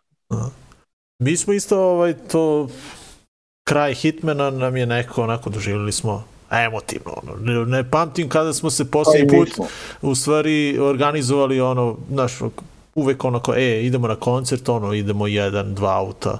Ovde ja, mi- ja ne znam koliko nas išlo, ono. Pet automobila, si, sigurno, ono, ne znam. Ono. Mnogo je ljudi bilo. I, Mnogo da. je ljudi bilo baš. To je svuda. uglavnom- I to je meni bio emotivan koncert, jako. Baš smo, baš, baš me taj koncert, ovaj, I dan danas uh, gledam uh, s vremena na vreme onaj snimak što je Vase Vase, napravio, a, one tri pesme koje je napravio, znači taj snimak je nešto naj, ono, baš A- mi je drago. da. Uglavnom, eto, Hitman uh, je, eto, tog dana, ko je to bio? Dakle, 19. maj 19. maj, tako je. 2012. Eto, već prošlo Dakle, 10 10 godina. sad će Da. biti 10 godina. Au. Maja će biti 10 godina. E, znaš ti da, da smo mi pričali ovaj, da kao z... pošto sledeće godine ova emisija puni 30 godina postojanja. Da. I onda smo mi kao maštali, kao ajde da probamo, kao ne, zamisli kao Hitman svira na našem 30. rođendanu. I onda ja kao, ma daj bre, nema, znaš, neće to da se desi sigurno. Mislim, ono, pretpostavljam, ne, neće nikad možda se desi. Ne znam, pitaću te, da li, da li nekada može da se desi da, da možda gledamo ili Definite Mislim, Choice ili mislim, Hitman. Mi- Mislim, Ali- mislim da ne, zato što sam ja čovek takav da ne volim da se vraćam na nešto što je bilo. Da. Sve to ima razlog zašto je bilo, a nije više, tako da ovaj, I to dobro, da, očekivao sam takav odgovor, ali onda je Roške, naš drugar, smislio priču. Kaže, ajde da ih slažemo. Kaže, ajde da kažemo da Jerry boluje od neke neizlečive bolesti i da treba on novac... boluje od neizlečive Da. bolesti. Kaže i da mu treba da, da mu treba novac kao za za lečenje i kao da probamo na taj način. Zamisli koja ideja. A dobro, da, mislim, ne, svirali bi naravno za takve A, stvari. da, će, mislim, verovatno bi se i okupili za A takve ne, nego koja ideja, ali da. ne daj Bože. Tako, tako je da, ne daj. Bože, da. Živi zdravije, Jerry. Guraj Tako Jerry. je, tako je. Oj, ali eto, to Jedino je... što si lud, ali sve ostalo je u redu. da. E, Uglavnom ti, eto, to je to. To, to, s- treba, to se da ti kažem, da, da je to plan. Ovaj. Da. Da, eto, dobar plan da vam Da. kažem. Ali da, skemujete, svi ti- skemujete Hitman da, Da. svira na 30 godina. E, to, da.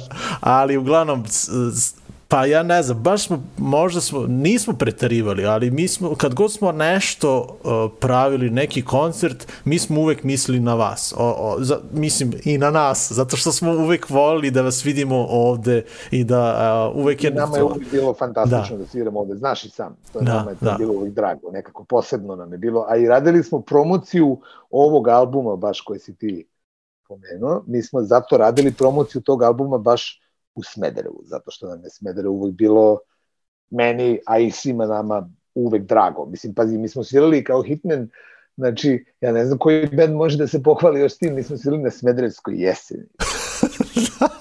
Znači, pazi, svirali smo na Smederevskoj jeseni, dok, dok u raznim šatorima se vrte pečenja i pevaju pevaljke u minićima, mi na bini, na sred tvrđave šibamo hardcore. Da, da, da.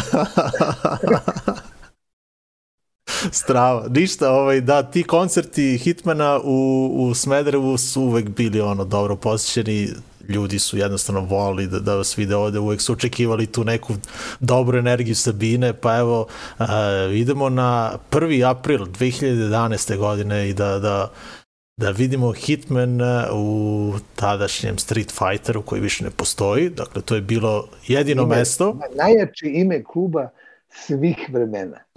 Street Fighter. Da, Da, svako. da, to samo, to samo u Smederevu može. Ali više ne postoji, to, to ovaj, baš Znam, šteta, ali, ali, ali, dobro, ali je da, fanta- fantastično je što se zvao klub Street Fighter. da. Ludilo. Idemo da, da pogledamo pesmu I am the Anti-Hero. E, Nisam znao koju pesmu ovaj, da pustimo sa ovog izdanja i ovaj, Jerry i Roške koje smo malo prepomenuli, Da. oni su glasali, kaže, ma, Anti-Hero je zakon. Tako da idemo na Anti-Hero, eto, samo za Roške i Jerry koji su pomogli, eto, u izboru. Idemo. Say goodnight to the bad guy!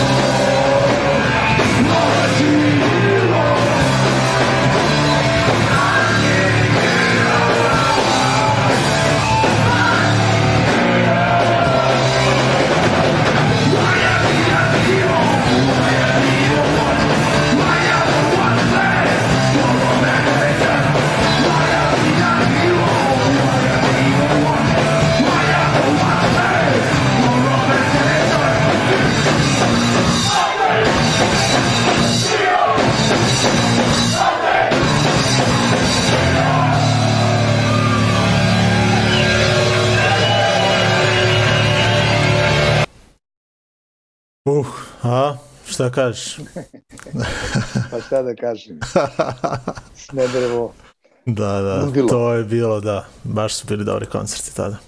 E, ništa, ajde, da, evo, stigli smo i do 11 skoro, ali nismo ni spomenuli e, tvoj sadašnji Ništa. posao. Ništa, da, da, ništa. A, pa Tek je to priča. pomenuli- Da.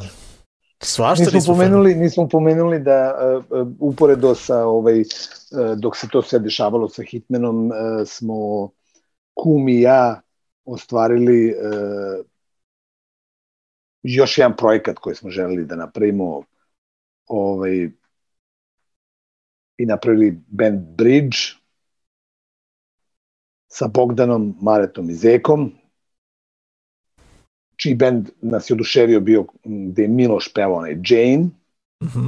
Pa onda, a oni nisu više svirali, pa onda smo bili u fazonu, a i mi nismo svirali, pa smo bili u fazonu, aj kao da napravimo nešto kao mlađa i starija ekipa, pa da vidimo šta će da ispadne i onda ispod taj bridge. Ovaj, koji je meni isto jako drag, mislim, svaki bend u svoje vreme je bio baš onako nešto posebno za mene. I od svakog benda mi je nešto ostalo mnogo, mnogo drago u srcu. Ovaj, I onda se i to završilo i eto onda neko vreme ništa nisam radio i onda sam napravio ovaj, sa drugarima još jedan projekat i to sad traje, eto. Čućemo uglavnom Nagon. o- ova dva benda, The Bridge i eto, Nagon, a možemo da, da pričamo da, ba, eto, bar onako probamo da, da spomenemo i tvoj sadašnji posao, eto sad, mislim, ideš ponovo na posao krajem ovog meseca, zbog toga smo se Tako organizovali, uh, eto, večeras, jer uh, uskoro krećeš na, na put, eh, kraj ovog virusa, Da, pa, je, da. pa će koncerti krenuti. Pa eto, iz svega toga, iz svih tih poslednjih 30 i nešto godina i svog tog cimanja i svih tih e, poznanstava i organizovanja tih koncerata i sve to se rodilo to da sam uspeo da ovaj, pozvali su me prijatelji da idem s njima na turneju tamo 2010. 11. Pa sam bio na toj jednoj turneji po celoj Evropi, pa sam video kako to funkcioniše i kako se to radi, pa sam onda, kad sam to završio, dobio ponudu da uradim još jednu turneju. Ti prijatelji su me preporučili njihovim drugarima, Cruel Handu tada, pa sam s njima otišao na turneju, pa su me onda oni preporučili opet nekim drugim drugarima, pa onda su, pa onda je ta agencija s kojom sam sarađivao me zvala nevezano kao je, ajde sad ako hoćeš da radiš ovaj bend i treba nam neko, imaš već iskustva, ja kao ajde hoću i tako se onda to nadovezalo jedno drugo i onda sam izabrao da ne radim više ništa ovde, nego da se bavim samo tim poslom. I onda sam u jednom trenutku prvih par godina bio po preko 200-250 dana godišnje na turneji. Znači, non stop sam bio na putu, non stop iz jedne turneje u drugu, treću, četvrtu, petu, jer nekako uh, iskreno ću biti osladilo mi se, super mi bilo što, znaš, non stop putuješ, non stop vidiš nešto, non stop si na svim festivalima. Gledao sam sve što sam od uvek želeo da gledam, gledao sam uživo. Znači, nisam gledao možda šačicu bendova, nisam gledao par bendova koje volim, sve ostalo sam gledao. Gledao sam bendove koje sam čekao da gledam 30 godina, gledao sam bendove koje sam mislio da nikad neću gledati, gledao sam ih. Znaš, bukvalno, znači imao sam prilike da ovaj, da upoznajem ljude, da se družim, postao sam prijatelj sa nekim bendovima na koje sam se ložio pre 30 godina. Postao sam, znači, baš onako bio sam u žiži dešavanja svega šta se dešava, znači sve, znao si, tu si odmah, ispratio si sve, video si, sediš e, u backstage-u sa ovim, sediš, sretneš ovog na ulici, znači bukvalno si, tu si. Znaš, Ne, me- meni je ovaj nekako- nevjerojatno da sad pre neku nedelju, slučajno smo te sreli u Smederevu dok si vozio bicikl Da. i, i pričamo, sedimo, sedimo ovaj, jedemo žito sa šlagom i, ovaj, Da. I stvarno je neverovatno ono da, da tipa dobiješ poruku od ljudi iz bedova kao što su, ne znam, ja, Bishop's Green, Slapshot, 7 Seconds, Mighty Mighty Boston's, znaš, ono, dobiješ Pa da, poruku da. od njih. znaš. ali to je, to, je samo, to je samo zato što svi ti ljudi, pogotovo ti ljudi s kojima sam kasnije, znači, znaš, upoznao sam ja i ovakve i onakve ljude i radio sam i sa ovakvima i sa onakvima. Ovaj, ali svi ti ljudi s kojima sam ostao da radim i koji su mi postali prijatelji, s kojima sam se zbližio i s kojima radim, eto, za, ne samo zato što ovaj, radimo zajedno, nego zato što smo stvarno dragi jednim drugima. Ovaj, to su samo ljudi kao i ti i ja i svi mi normalni, znaš, nis, samo što, znaš, ti kao kad nisi tamo i kad nisi među njima i kad nis, nisu dostupni, onda ih idealizuješ kao neke ne znam šta, znaš, ali nisu, oni su, mnogo su, mislim, meni, ja sam bio iznenađen recimo kad sam radio sa Mighty Mighty Bostons, da su oni toliko su normalni, znači najnormalniji likovi, naj, najnormalniji, znači sede i blejmo i gledamo glupe klipove na internetu, razumeš, i smejemo se. Da. Da, razumeš, mislim, 50-godišnjaci, gomila 50-godišnjaca, 50-godišnjaka gleda ovaj, klipove koje gledaju klinci od 15 godina i smejemo se kao budale. Da. Go- E, a da, da, spomenuo si mi u stvari da, da Mighty Mighty Boston su, su- je u stvari grupa prijatelja, ono, ko, koje, Tako je. ljudi imaju svoje po, poslove, a Da, da, da, da, da, oni samo sviraju te turneje i to zato što su zato što se zabavljaju, oni imaju svi vrlo dobre poslove i dobre plate i znači oni ne, njima nije potrebno da idu da, da sviraju te koncerte, znači ne, ne sviraju oni iz koristi. Znaš, naravno da imaju i koristi od toga jer samim tim što su toliko veliki, koliko su veliki kao bend, znači toliko veliko ime i poznati, samim tim zarađuju i pare od toga kad idu na turneje. Ali to se vidi po tome ti, ti vidiš, naš, bendove koji rade to i bendove koji to rade iz zabave. Recimo, Dropkick, ne Dropkick Mars, nego uh, Mighty Mighty Bostons svira jednom u pet godina u Evropi. Mm, To je kad mogu da se organizuju i to sviraju samo 10 dana. I to sviraju nekih par festivala, to je tad kad sam ja radio za njih, imao sam tu, eto, tu čast da radim s njima 10 dana i da putujem s njima i da ih upoznam i stvarno su najveći carevi baš su, znači i sa fanovima i sa ljudima oko njih i sa ljudima koji rade za njih, oni su toliko korektni, toliko su puni poštovanja prema svima, da je to, znači, ono, za uzor svim bendovima drugim koji se bave tim poslom, profesionalno, da se ugledaju na ove ljude. Baš su onako, da. za primer, A, koji je u stvari tvoj posao kao tour manager? Ovaj? I Kad kažeš mi, kad smo se čuli sad pre neki dan, ti kažeš već si krenuo pripreme, ovaj, ideš krajem meseca, a već si krenuo pripreme. Kakve su to pripreme za, za taj posao? Pa ovaj? moraš da se čuješ sa svakim promoterom, znači sa sa promoter, organizator, sa svakim moraš da se čuješ, sa svakim moraš da se dopisuješ, sa svakim moraš da pripremiš da to sve funkcioniše kako treba, kao što je, znaš, su meni slali ovaj, razne e-mailove i da popunim ove formulare i da popunim ono, i sad to, je, to, to ima sve raspored kad šta se dešava, kad šta mora da bude, kad šta mora da, i to sve radiš ti. Ti pripremaš to, pripremaš opremu, pripremaš e, sredstvo s kojim putuješ, e, znači da li je autobus, da li je kombi, da li, je, da su avioni, Mm. bukiraš karte, bukiraš hotele, bukiraš organizuješ da svako dobije pratiš e, alergije, pratiš, znaš, sve, sve moraš da znaš o svakome iz benda da bi mogao svako iz benda da prođe tih 10, 15, 20, 30 pa i 40 dana, a da se ne razboli, da ne, znaš, se nešto ne desi, da se ne pokvari neka oprema, da imaš uvek rezervnu opremu, da, znaš, sve, sve znaš, da osiguraš da svako veče, kad tih 100, 300, 500, 1000, 5000 ljudi dođe na taj koncert, da bend može njima da da 100%, a i da ti ljudi dobiju 100%. Da budu zadovoljni jer su oni ipak platili za te Da. karte i treba da budu zadovoljni.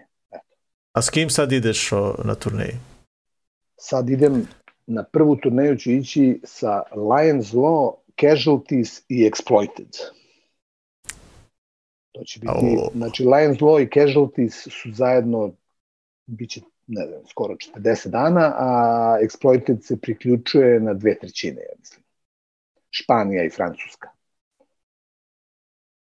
Da, ne znam šta da ti kažem. ka, ka, Ništa. kako je to dobro. Kako je to dobro. Da. I ovaj i posle toga idem sa Bishop's Green. I onda posle toga idem sa Slapshotom. I to su nekako I to bendovi i dolaziš u Srbiju sa njima. Da. Da, da, s njima dolazim i za Novi Sad. To je već njima ono, i standardno oni su u fazonu, oni hoće da sviraju na svakoj turneji u Novom Sadu ili u Beogradu gde god mogu, ali u Srbiji žele da sviraju u svakom slučaju, svake, svak, na svakoj turneji. Baš im je to Svidelo im se, a? gušt i gotivno. Aha. A, e sad, evo, dolazimo do kraja emisije, ali ovaj, dolazimo i do kraja, eto, korone. Ovaj, pa sam htio da te pitam, posle svih tih turneja, ono, živo si na točkovima svaki dan, neki koncert, Da. odjednom je to stalo. Kako Dobro. si uspio da se izboriš sa tim, ovaj, sa tim dolaskom? Dođeš kući i ovaj, odjednom ogromna promena. Ovaj. Pa, ništa. Mislim da smo svi ovde navikli da se ovaj prilagodimo situaciji u kojoj se nađemo u poslednjih 30, posebno poslednjih 32 godine. Da. Jednostavno sam se prilagodio toj situaciji da je to tako, nema, nema, radiš nešto drugo, napraviš najbolju kombinaciju od onoga što imaš i ovaj, od situacije u kojoj se nalaziš. Napraviš najbolje što umeš i što možeš. I da ovaj, ostaneš iznad vode, Da. da ne potoneš. To je, to je cilj, da, to je cilj, da. A, ništa, Aca, evo, već je, je 23.09, da, ono, mislim, možemo da mi da pričamo do, ono, baš dugo, još satima i satima, ali ovaj, da, a, da završimo a, ovu epizodu, a, čućemo The Bridge i čućemo Nagon. To smo ostali dužni, ovaj, to ćemo Tako je. na kraju. Ali ajde da se odjavimo ti i ja, ovaj, da završimo ovu epizodu. Uh, ja, eto, na kraju samo da ti se baš ono mnogo zahvalim što si, eto, što si ovako prihvatio ovaj poziv da se ti i ja isčaskamo u, uživo, otvoreno ovako pred svima. Eto, to je to. Hvala tebi što si me pozvao. Ovaj, znaš da ću uvek vrlo rado da se dozovem kad god smederevci nešto prave, ja sam tu. Dobro, Možete uvijek da računate na mene. može. hvala ti mnogo, stvarno, ovaj, i hvala svima Ajde. vama koji ste večeras uh, bili sa nama. Hvala eto. stvarno svima, da, ako ste ovaj, slušali ovo, e, pozdravljam sve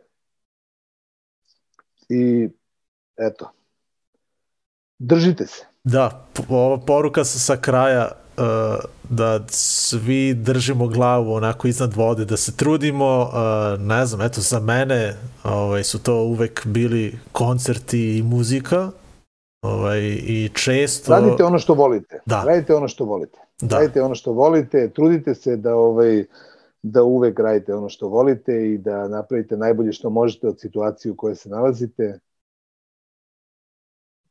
To je to. Aco, čujemo se da onda mi ovako privatno, a eto, možemo možda svima da obećamo još jednu emisiju uh, kada se završete neke turneje, možda eto na, na, Pa eto, na jesen, zimu, rado.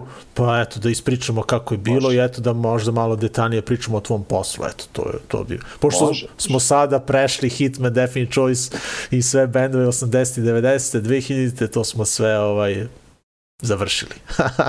to smo Tako je. zatvorili tu, tu knjigu. Idemo, idemo na, na The Bridge i to je to ljudi, eto, uh, posle toga ćemo čuti i nagon. Uh, naravno četvrtka se nećemo gledati jer uh, radim popodne i onda to znači automatski da nema emisije. Tako da za dve nelje se, se Pa ti družimo snimi ponovo. pre podne, pa pusti snimak. Pa, pa ne mogu, da. Radim do 11. Druga smena mi je od 3 do 11 i onda nema šanse. Još sledeće nelje putujem za Samo- BG, tako da nema samo šanse. Da. Ništa, ovaj, gledamo se za dve nelje. Aco, ljudi. srećan put. Ajde, čao. Čao Ajde. ljudi. Ćao. Pozdrav svima. Ćao.